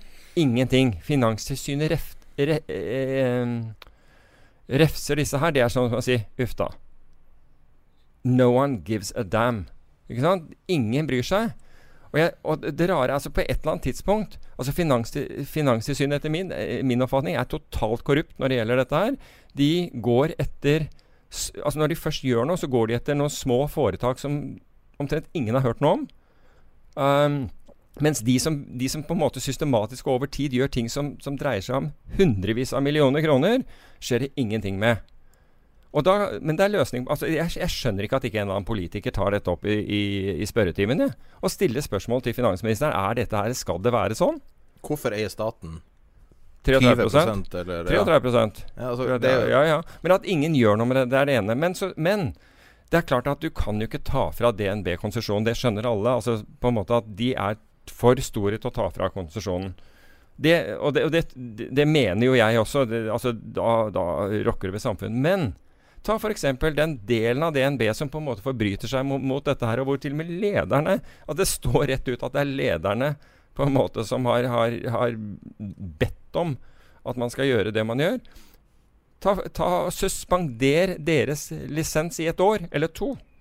For f.eks. å drive wealth management eller et eller annet sånt. Da slår det på bunnlinja. Da slår det så enormt på bunnlinjen. Du, ikke, altså du stopper jo ikke en bank fra å være en bank. Men du, du stanser dem fra å drive med den virksomheten hvor de ikke oppfører seg ordentlig. Stans det temporært. Mm. Ja, du mener personene, ikke, ikke selve Nei, maskinen. jeg mener selve Altså hvis det er f.eks. hvis det er uh, wealth management, hva heter det for noe?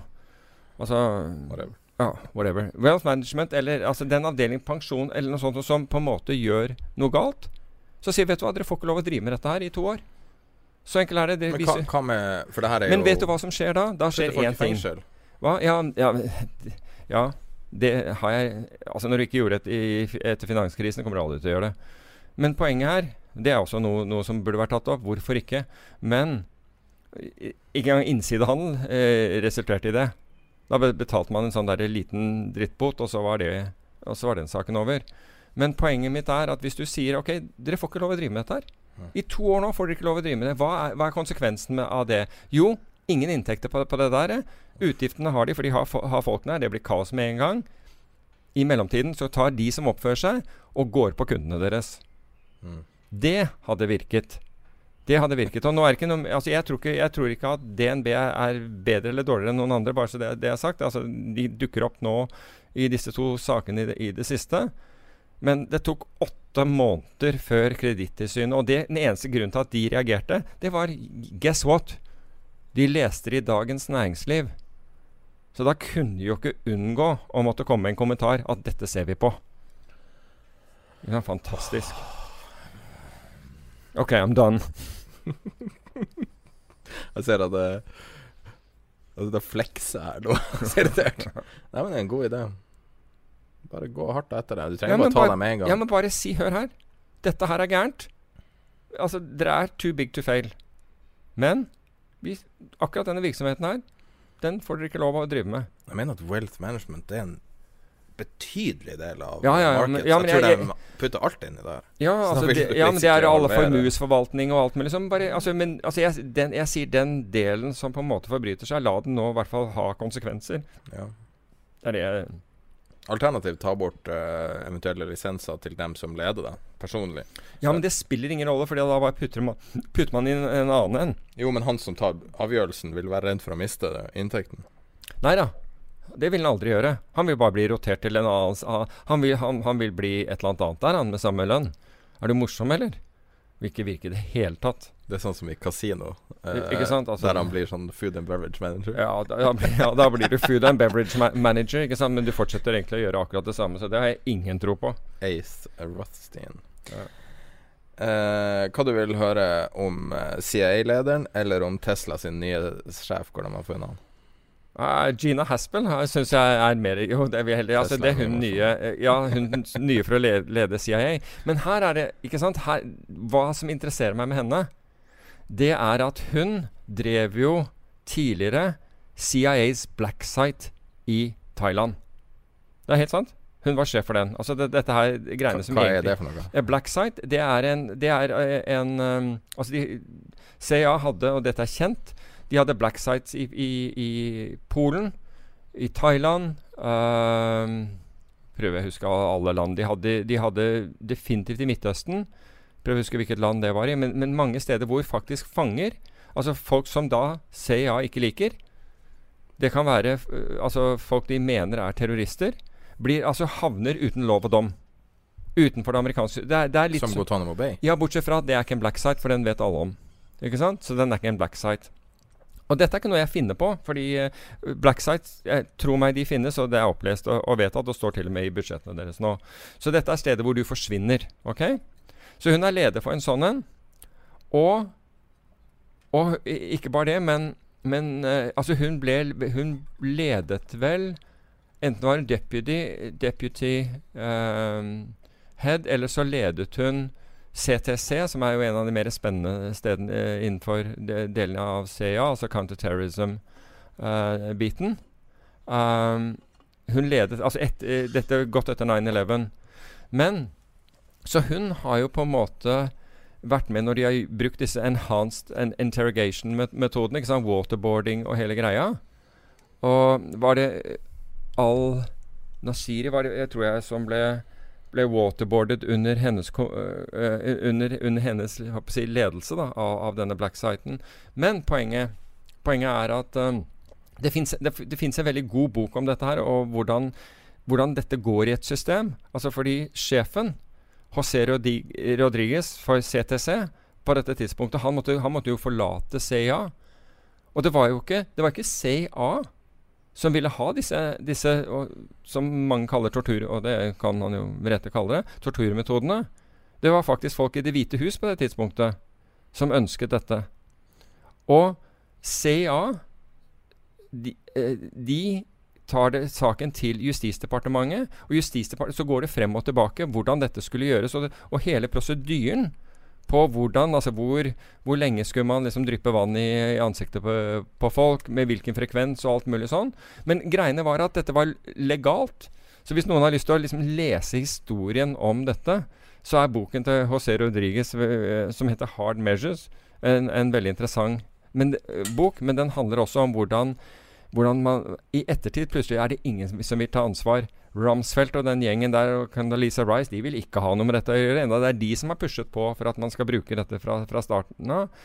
Justisdepartementet, som da The Attorney General, som er med, og, med på liksom å sette hvordan dette skulle gjøres for at det skulle Ikke sant? Det er CIA. Sier bare at hvis vi skal gjøre dette, så må vi ha legal background, legal backing for å, for, for å kunne gjøre dette her. Vi må ha prosedyrer og hele den biten der. Og de gjør så, så Men i hvert fall, hun har jo vært manager for, for, for, en, eh, for, en, sånn, eh, for en sånn site. Hun er jo karriere Har hele karrieren innenfor Jeg tror hun dukket opp i etterretningssammenheng på, på 80-tallet en gang. Så hun har en uh, all, allsidig bakgrunn. Men 'Hard Measures' av uh, José Rodriguez, den, uh, den altså den, det, er, det er ikke finans, men det er verdt å lese. Jeg vet ikke hva jeg skal si. det var ganske heavy. ja. Jeg vet ikke hvordan man går over til at Tesla har funnet sin nye VP of Engineering i Snapchat. Altså med mindre Men du kan si at Nei, jeg klarer ikke å det, Simulert rukning er bare ikke artig. Liksom. Nei, det er jævlig ubehagelig. Har du gjort det? Jeg har, jeg har kjent på det. Har du blitt waterboarda? Ja. Men altså kun, kun øvelsesmessig, altså for å At vite de hvordan det heller vann på en hand, et håndkle eller noe sånt over ansiktet ditt? Ja. Hvordan føles det? Ja, det føles som det er ubehagelig. Veldig ubehagelig. Omtrent som ei Tesla, også? Ja, ikke fullt så, ja, ikke fullt så ubehagelig, men jeg skjønner overgangen. jeg skjønner overgangen. Faen at vi ikke gikk eh, jeg vet ikke om folk har fått med seg at vi ikke gjorde Tesla-shorten som vi hadde lyst til å gjøre. Og det er litt irriterende at vi ikke gjorde. Ja, ja, men uh, 400 altså, det- det- prosent. Men Nei, nei, nei, den er opp mer nå. Nå er den 600, nesten 700% oppgang. Jo, men oljeopsjonen er opp over, over 70% 75 Best Så- ideas fund, altså. Ja. Så, men det, det som var det geniale si, med den Tesla, var jo at man ikke hadde risiko mer enn litt over en måned. Halvannen måned. Men det går an å gjøre det fortsatt. Men nå er opsjonene blitt mye, mye, mye Ja, men, men gjør du spredder, så er det ikke så gærent. ikke sant? For volatiliteten går opp. Det betyr at de du utsteder ikke sant? Altså Du kjøper jo en opsjon her også, men, men den du utsteder, får du også bedre betalt for. Um, så, så det er ikke sånn at uh, Og hvis du utsteder en call i tillegg, så vil du også få godt betalt for den. Men det er klart at nå er vi jo nede i det Nå er vi jo in the money på Altså, vi, vi snakket om 250-200 først, ikke sant, som var den. Og så, så, hadde vi, så hadde vi muligheten til å gjøre 300 mot 250, tror jeg, eh, streiken. Eh, mens vi utstedte 350-callen. Um, og så, så, jeg ville være forsiktig med den, altså den callen. Hvis det kom en short squeeze eller et eller annet sånt, så du fikk en, en brukbar oppgang i i, i Tesla-aksjen, da vil jeg kanskje prøve å reetablere en ny en. Ja, for jeg har en alternativ strategi som jeg hadde lyst til å, å teste det mot deg. Uh, for Opprinnelig så var det jo jeg som sa at trodde Tesla skulle til null. Mm. Um, nå har jeg en ny teori. Jeg tror at Tesla skal opp i nærheten av samme nivå basert på bare, en, bare tekniske årsaker. Short squeeze av et annet slag. Det tror jeg er en i hvert fall en risiko for det, når du har 31 av, av floaten er short. Mm. Til short, short. Mm. Så spørsmålet er Går det an å, å, legge opp en strategi som forventer en spike på kort sikt og en kollaps på lang sikt? Går det an å redusere den totale kostnaden, den totale eksponeringa, med å gjøre det?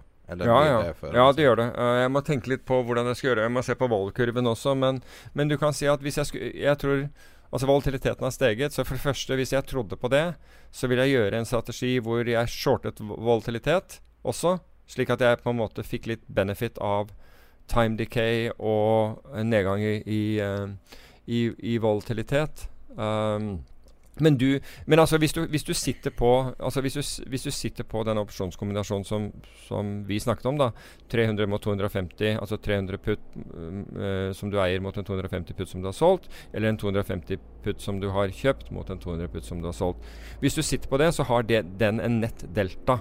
Altså som Deltaen er hvordan den beveger seg i forhold til aksjen. Hvis aksjen går en dollar, ikke sant, og du har en og har en delta på 0,5, så beveger opsjonsverdien uh, din seg med, med, en halv dollar. Så hvis aksjen går én dollar, så osv. Så, en måte å gjøre det på er at hvis du er jo å kjøpe, kjøpe, kjøpe noe Tesla, altså rett og slett La oss si at vi um, Liksom en bil? Ja, men, ja vi gjør det jo. Men, uh, men, hvis du ikke sant, det, altså hvis, du, hvis vi nå La oss si at vi satt tilsvarende short 100 000 Tesla. Da, for, mm. det, er, det, er, det opsjonsposisjonen vår er. Så kunne man da gå inn i markedet og kjøpe 100 000 Tesla-aksjer. Og så vil du ha, ha en um, Og så vil deltaen din være null. Så, så hvis nå øh, Hvis nå du fikk denne kortsiktige oppgangen, så vil, du, så vil du ikke bli skadet av det. ikke sant? Det vil ikke gjøre deg noe. Og så vil du da, når du fant det nivået du, La oss si at det nivået var 300, da. Så vil du selge av uh, selge ut eh, Tesla-aksjen din igjen, og da har du reetablert den posisjonen du har hatt hele tiden. Så du kan gjøre det med å hedge med, med aksjer. Eller du kan uh, Og du kan overhedge hvis du er veldig sikker på at dette her skal uh, gå opp. da. La, la, oss si at du hadde en delta på Altså deltaen på, på tilsvarer 100 000. Da må du kjøpe 100 000 aksjer.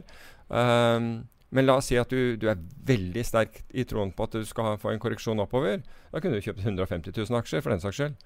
Men nå har, du, nå har, du, en helt annen risiko enn det vi hadde med den opsjonsposisjonen. Mm. Men uh, ja, Og ikke minst, du må stille mye mer sikkerhet, da. Ja, da må du jo stille sikkerhet for, uh, for, for aksjer. Ja, du må basically kjøpe aksjene. Ja. Men du kan sikkert få de finansiert. Og, og, der hvor du har opsjonsbredden, vil du kunne bruke den som en delsikkerhet mot, mot andre, for den dekker deg jo tross alt en, en, del av veien ned. Så Summen av det her er at det burde være opsjonshandel utbredt i Oslo. ja, men, får, men, det er som jeg sier, eh, og, og, og, med de eksemplene jeg har sett, altså det lønner seg jo ikke å gjøre det, fordi det er så stor forskjell mellom kjøper og selger. Og det er ingen marketmaker der som er ja, villig Fordi at det er ingen som gjør det. Ja, og så er det ingen marketmaker som er, som er villig til å gjøre Altså stille prisen på en spread som er bedre. Ikke sant? Du skal ikke ha En spread har en bid-offer. Den har ikke sånn at du må kjøpe den ene opsjonen på, på offeret og selge den andre på, på bid-prisen. Da går det ikke rundt i det hele tatt. Ikke sant? Så du har ingen som på en måte sier OK, jeg stiller deg den der eh, spredden. Det var en, en i dag som som ville gjøre dette i Norwegian, som jeg nevnte. Og han regnet ut at, at han, måtte, han, han, ville få 3,75. Og altså, 3,75 var en kjempedårlig pris for det, så jeg, jeg syns ikke den var god. Men normalt sett, la oss si at den, der, den ville kanskje være 4 til 4,5, da. Hvis jeg var som marketmaker stilte den 4 til 4,5, ok, da, da kunne han selge den på Hvis han ønsket å selge den, kunne han selge den på 4. Men, men jeg ville ikke ta spredd av, bål, av bål, altså begge bena. Det, da blir det ikke attraktivt å gjøre. Så du må ha noen som er villig til å stille opp. Det var noen som fortalte meg de hadde snakket med en av de store, største, kanskje den største nettmegleren, og klaget på, på spreddene. Og da fikk han beskjed om hvis du handler nok, hvis du, hvis du omsetter nok, så, så, skal vi begynne å stille deg bedre priser. Men det er, det er som det, er, det jeg ikke har skjønt i finans. For hvis du går langs en eller annen uh, shoppinggate i Oslo og ser at alt som er over, er, alt er helt idiotisk priset, så er det ingen som gidder å gå inn og spørre. Ikke sant? Det er ingen som er interessert i De går ikke inn og prøver klærne. Du må gjøre det attraktivt for folk å gjøre det. Du må gjøre det motsatte. ikke sant? Prise det sånn at folk går inn i butikken. Mm. Og det er det, det er det, ikke norske meglerhus er villige til å gjøre. Det er, det er stor business som står og venter på den som gidder å, det er, ja, gidder altså, å lære seg det og gjøre det. Hvis den indikasjonen som vi opplever, altså de, de henvendelsene som vi opplever er, er representativ, så er det stor business å høre på dette her. Men noen må liksom ta, ta skrittet. Fikk en melding idet vi er i ferd med å avrenne. Vi er, så, vi er så langt over tida nå at uh, jeg må bare prøve å klippe det her ned så mye som mulig. Klippe bort alle dårlige spøker. Um, jeg fikk et spørsmål fra en Et langt, langt, langt spørsmål fra en lytter. Men um, han spør om uh, Hvor ligger, tror du kunnskapsnivået til den uh, gjennomsnittlige norske investor ligger på en skala fra Chartersveien til Peter Warren? Nå forutsetter han jo at Chartersveien ikke vet noe om finans. Det jo det ikke. Ja, det, altså det er enten det eller at jeg ikke vet noe, og Charter-Svein vet. Og det er Charter-Svein som vet, så jeg, jeg, vil jo ikke si Så jeg vet ikke. Hvor, hvor du syns det ligger kunnskapsnivået til den gjennomsnittlige norske investorpersonen? Altså, altså, for å være helt ærlig så vet jeg ikke. fordi altså, Noen ganger så, så, kommer det over folk som kan fryktelig mye, men de kan gjerne veldig mye om, om, om, om enkeltaksjer. Men jeg, vil, jeg må jo si at for å snakke med altså når du, som, som hedgefondforvalter, da, når du var rundt og, og, de ville vite hva du hadde, liksom sånn, hva du tenkte om, om, markedet, og hva du hadde som, for posisjoner. Og så La oss si du forklarte en CDS-posisjon eller noen råvarer eller et eller annet sånt. Og så ville jeg Og jeg syntes det der var brilliant selv, for jeg tenkte dette her er en kjempeidé. Altså, jeg, denne, altså hva har du tro Det var ville ofte 'hva har du troa på nå?' Og så hadde du den nære posisjonen, og du med stor entusiasme fortalte alle faktorene rundt den. Det fundamentale bildet rundt hvorfor du gjorde det, hvilke nivåer du gjorde, gjorde på, hva du så etter og hele greia. Og etter liksom 30 minutter med, med liksom entusiasme fra min side, så ville det bli stille i den andre enden, og så kom spørsmålet Ja, men er du, er du Bull Oslo Børs, eller? Da, da, gikk, altså, da gikk lufta ut av ballongen. Altså. Da, da gikk bare teppet ned. Og da var liksom da totalt punkterte. jeg. Da, da satt du og så nedi i det et svett sånn uh, Gouda-rundstykke resten av uh, den der. Og Nei, det, det var ja, deprimerende, altså. Det, men altså, det fins smart guys in the room der ute. Hva var altså, det Morgan Stanley kalte fondet ditt? Nei, de, de, nei, det var når jeg klaget over eh, ma, Jeg sa at margin de hadde beregnet, altså sikkerhetskravet de hadde beregnet, beregnet, var feil. Og da sa han hvem tror du, Da sa de 'Hvem tror du har rett?' Eh, du som ja, uh, Hvem tror du har rett? Et dipshit, dipshit fund in the frozen wastelands of Norway eller Morgan Stanley, the largest prime broker in the world? Og da sa jeg det er, det er faktisk the dipshit fund in the frozen wastelands of Norway. Og det var det. Jeg hadde rett. Jeg hadde rett. Og det, jo, det må jo være tittelen på din uh, upubliserte biografi. Ja. 'Dipshit in the frozen wastelands of Norway'. Ja. Men det vi kan gjøre, er at vi kan ta machine learning så gå gjennom alle podkast-episodene, og så kan vi da eh, De har en sånn OCR-versjon, sånn at du bare drar ut det, og lager en tekst. Kjapp redigering, så har du en biografi. Så er du på Skavlan. Yay. Men kanskje det er en bra, det, det bra tittel på, på, på, denne podkasten. 'Dipshit in the frozen wastelands of Norway'. Hvem vet? Hva var den forrige? Den funka dritbra. ja, den var Wow, that's so interesting. ja. ja det var så, det var så fornøyd med meg sjøl da jeg skrev det. Og nå har jeg ikke regna ut. Nå begynner vi å nærme oss en million avspillinger. Wow. Det Virkelig? Så, det er ikke så langt igjen nå. Oh, wow. Mulig at jeg overser litt hvor langt det er igjen, men, men, det er ikke så langt igjen. Altså. Oh, ja, jeg, jeg, jeg, jeg, antok at vi var no, nord av 600 000 nå, men uh, hvis vi begynner å nærme oss det Jeg tror vi har bikka 700 eller 800 nå. Jeg, ikke, jeg må manuelt ah, det er, uh, oppdatere det. Unbelievable. Hvor mange tror du har hørt din første gjennomgang av livet ditt? Uh, vet ikke. Uh, 20 000? 72 938 personer. Holy Eller shit. avspilling. Wow. Det er ganske bra. Ja, Så er det litt sånn dipp til neste, da. ja det, det er riktig. Når du skjønte hva det, hva det handlet om, så, så, så tryna han skikkelig. Og så er det litt ytterligere dipp. Uh, men da, da, etter det er det utjevning. Ja. De måtte bare komme seg av de der første. Så den der traumefasen, de måtte komme gjennom den. Det er det du sier?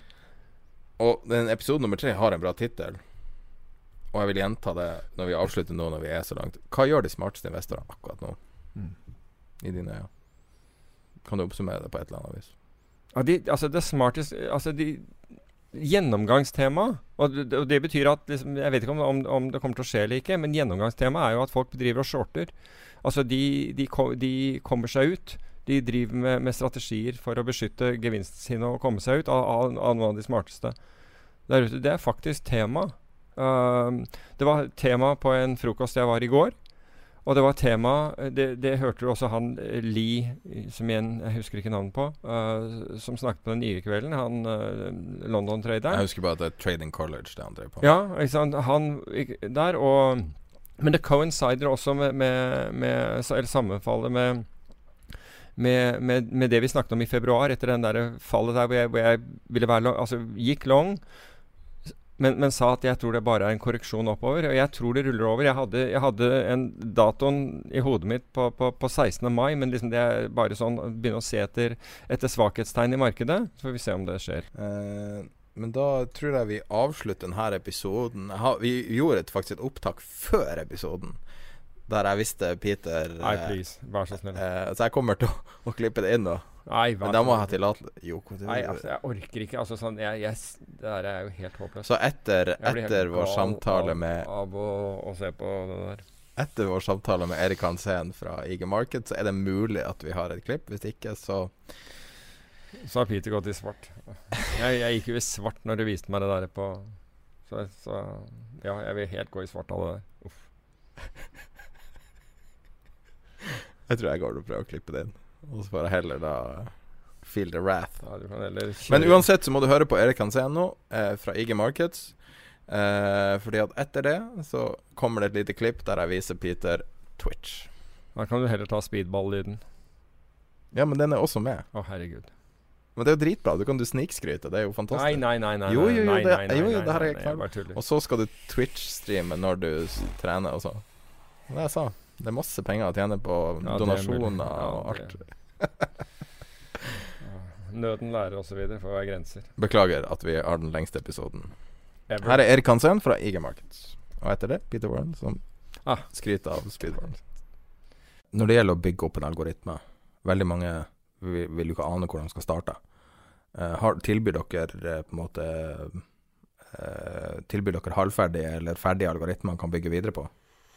Ja, Vi som mäklare erbjuder inte några färdiga eh, strategier, det gör vi inte. Däremot så Pro Realtime har en, eh, en hemsida, prorealcode.com som är ungefär som ett eh, community där det är många som lägger upp eh, deras strategier. Och eh, programspråket är väldigt enkelt så att eh, som, som nybörjare så kan man ju gå in där och ladda ner en färdig strategi och utgå från den. Eh, sen ska man aldrig ta en annan strategi och börja trada på den live. Utan du måste ju uh, analysera och ta fram din egen strategi.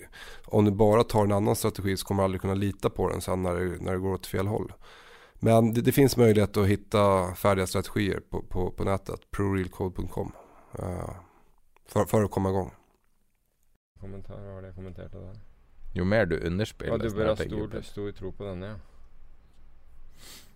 Jeg hadde jo tenkt å vise deg Twitch før vi starta noe framtida media. Mm. En, en hva for noe? Twitch? Twitch. What does that mean? Jeg, jeg må nesten vise deg før vi starter. Ett minutt. Uh, det er um, Så her. Her er, her er basically det alle tenåringer holder på med. Spesielt tenåringsgutter, i stedet for å se på TV. Så det er neste nivå av Av YouTube. Ok. Så Jeg vet at uh, skoler og alt er litt bekymra for dette her. Ja, ja. Der. Men jeg har lyst til å vise deg noe. Sånn at du, du deler det inn på spill, da. Det er det som er det primære. Uh, og, og det her er jo Dattera di spiller hun Fortnite? Har du ikke hørt, har du ikke hørt det, det ordet før? Jo, jeg hørte det nå forleden for første gang på 17. mai. Ja, så Hvis du klikker inn nå Akkurat nå er det 100 000 som sitter og ser på. Den, den som ser på den eh, når amerikanerne sover, altså. Men uansett. Eh, så her er eh, Nå er det en av en amerikaner som sitter og er spiller? Fortnite. Ja. Det her er live nå. Ja, okay, men Og så er det 27 000 mennesker som ser på. fy faen. Se på hvis du Det er, ser bare, det er bare det å være en av dem er det blir flaut nok. Nei, nei, men se her. Det her er det, her er det jeg prøver å forklare deg. Ikke, ikke døm det. Se. Sånn at folk driver og gir han penger oh, ja, det var det for å subscribe. eh, for å få lov å Altså, det, det er veldig For å sånn få lov å hva da? Nei, du kan se på gratis, men for å kunne være mer, mer en del av det, for å få lov å chatte f.eks., så betaler de fem dollar i måneden for én person. Og så får han karen 2,50 til 3 dollar. Hvis jeg, sitt, ser ja, hvis jeg hadde sittet med den nå, så hadde du bare hørt en salve, altså. ja, men, se, jo, jo, men det er jo det Altså, det er jo en del av det. Skal vi se. Skal vi høre på? Get over here and I got minis That's a win. That's a win. We won, dude. No way they get it now. Look how many people left one. Yeah, there's no way. It's it's Og så Men det her er det som alle har hørt om. Men se på det her, da. Noe som heter IRL, som er det at folk who gives a shit? Hør nå. Så det, det at folk Det her er det Det her er det aller største fenomenet som bygges opp nå, når det kommer til media. Okay, Det, så se, se på det her nå. Så det her er folk som Prøver bare filmer seg begynner. Det her er folk som filmer, filmer seg sjøl, og de finner de sykeste spesialitetene.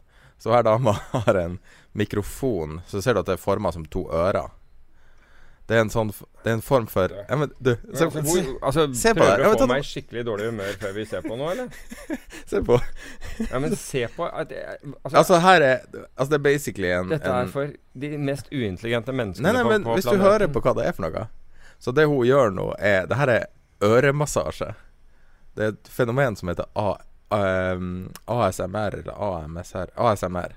Sånn at hvis du nå snakker virkelig inn i mikrofonen, hvis, Ja. altså helt tett inntil ja. Gjør det nå. Ok. Og? Så den som hører på, da, Ja. får eh, oppleve stemmen din på en helt annen måte. Og det her, hun her dama har en mikrofon som er tatt Så når du puster inn i mikrofonen og snakker sånn, så blir det sånn vanvittig intenst. Sånn at folk får liksom frysninger, og at hårene reiser seg i nakken. Hører du det som er på min mikrofon nå? Ja. Gjør du det? Ok. Kan du, skal se om du kan fortelle meg hva dette er, da. Er du klar? ja, men jeg skal vise deg er- Ja, ja. Nei, nei, se på det her, da. Se på Ja, den her karen. En altså, kineser. Jeg, jeg synes Nei, en japaner som filmer seg sjøl og går rundt i Tokyo. Det er I, I, I just want to check the connection. 1000 mennesker sitter og ser på han. Ja, men det, det er Men er ikke det fascinerende? Ja, film. Kjør på. Fortell meg hva det er. Gamle venner teknologi. Nei, vent, da. Sorry, det er jeg som um, Ferdig. Jesus. Huff, det lukta. Herregud. Sorry. Slett det. Det var, eh, Jesper eh, var denne, Han slapp av da fjerte han. tydeligvis. Fy faen. Jeg lukter ikke.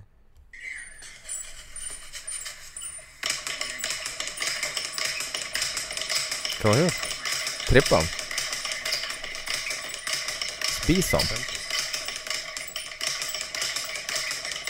Den.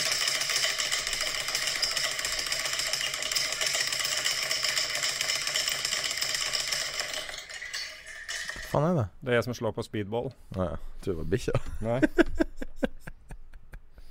Skal vi prøve den der takta sjøl, eller? Ja, ja, ja. Dette er bare sånn der eh, oppvarmingstakt. Ta og film og legg ut på Facebook-gruppa. Der går det fort. Men så her, det, så her blir det Du kan gjøre det her på Twitch og få donasjoner. I don't give a shit. Ja, men se nå. Se på de greiene her. nei, vær så Men nå begynner vi å komme ned i dem som har noen få. Jeg blir dårlig humør. Altså, jeg gjør det. Vil du høre meg sitte og klikke dette her hele tida, eller? For det er liksom måten å gjøre på. Jeg syns dette er det er, det er så Men se nå, men er ikke det, det her Nei, det er jo, men, ikke. Det er jo, men, nei, nei, ja, men det er ikke det. Fordi at folk finner sine egne nisjer. Ja, men det er fint, men Se nå på det her. Morning. Men altså, noen mennesker Uh, Noen mennesker har, alle mulige fetisjer i, i, i sex. Men det er ikke fetisjer, det men det er ikke det. Jo, dette er en fucking fetisj. Når Nei. driver dette her. Det her er det, det, er menneskelighet på sitt mest ekstreme. Ja, men trenger jeg å se det? Altså Det er patetisk og alt det der, det er jo ikke det. Men det her er, det her er, det her er et fenomen som kommer. Som er her, og som kommer. Og så driver folk Det er det Her! sier- det er- det er det. Live bitcoin, krypto. Se på det. Her sitter han kontinuerlig og kommenterer. Jeg burde det- Se nå. Han sitter bare her og, og ser på, på bitcoin Nei, så kryptokurser, og så kommenterer han når ting skjer. Og så sitter Da kommer børser som Elmax med krypto. Der kan du colocate og der kan du co co Men det er jo overalt. Hva er vitsen med co-location? Fordi du er raskere hvis du har colocation cross-connected. Da er du mye raskere enn andre. Ja, men altså det er jo desentralisert. Er I forhold til børsen. Nei, det er jo ikke desentralisert. Altså co-located til børsen. Ja, til eh, Ja, nettopp. Til eh, Nei, vær så snill, da. Nei, dessverre kan du ikke. Jeg, jeg blir, jeg blir mat. skikkelig dårlig humør av å se eh, hjernedøde greier. Altså. Jeg gleder meg til å vise deg Twitch i Ja. Gud, jeg hater det der tullet. Altså. Bare fortell deg at min tid på denne planeten her er, er snart over. Nå er det på tide å reise, altså. Fucking hell. Så det jeg har tenkt å gjøre nå, er å klippe det her ned litt, og spille det etter rulleteksten. Det håper jeg virkelig ikke du har tenkt å gjøre.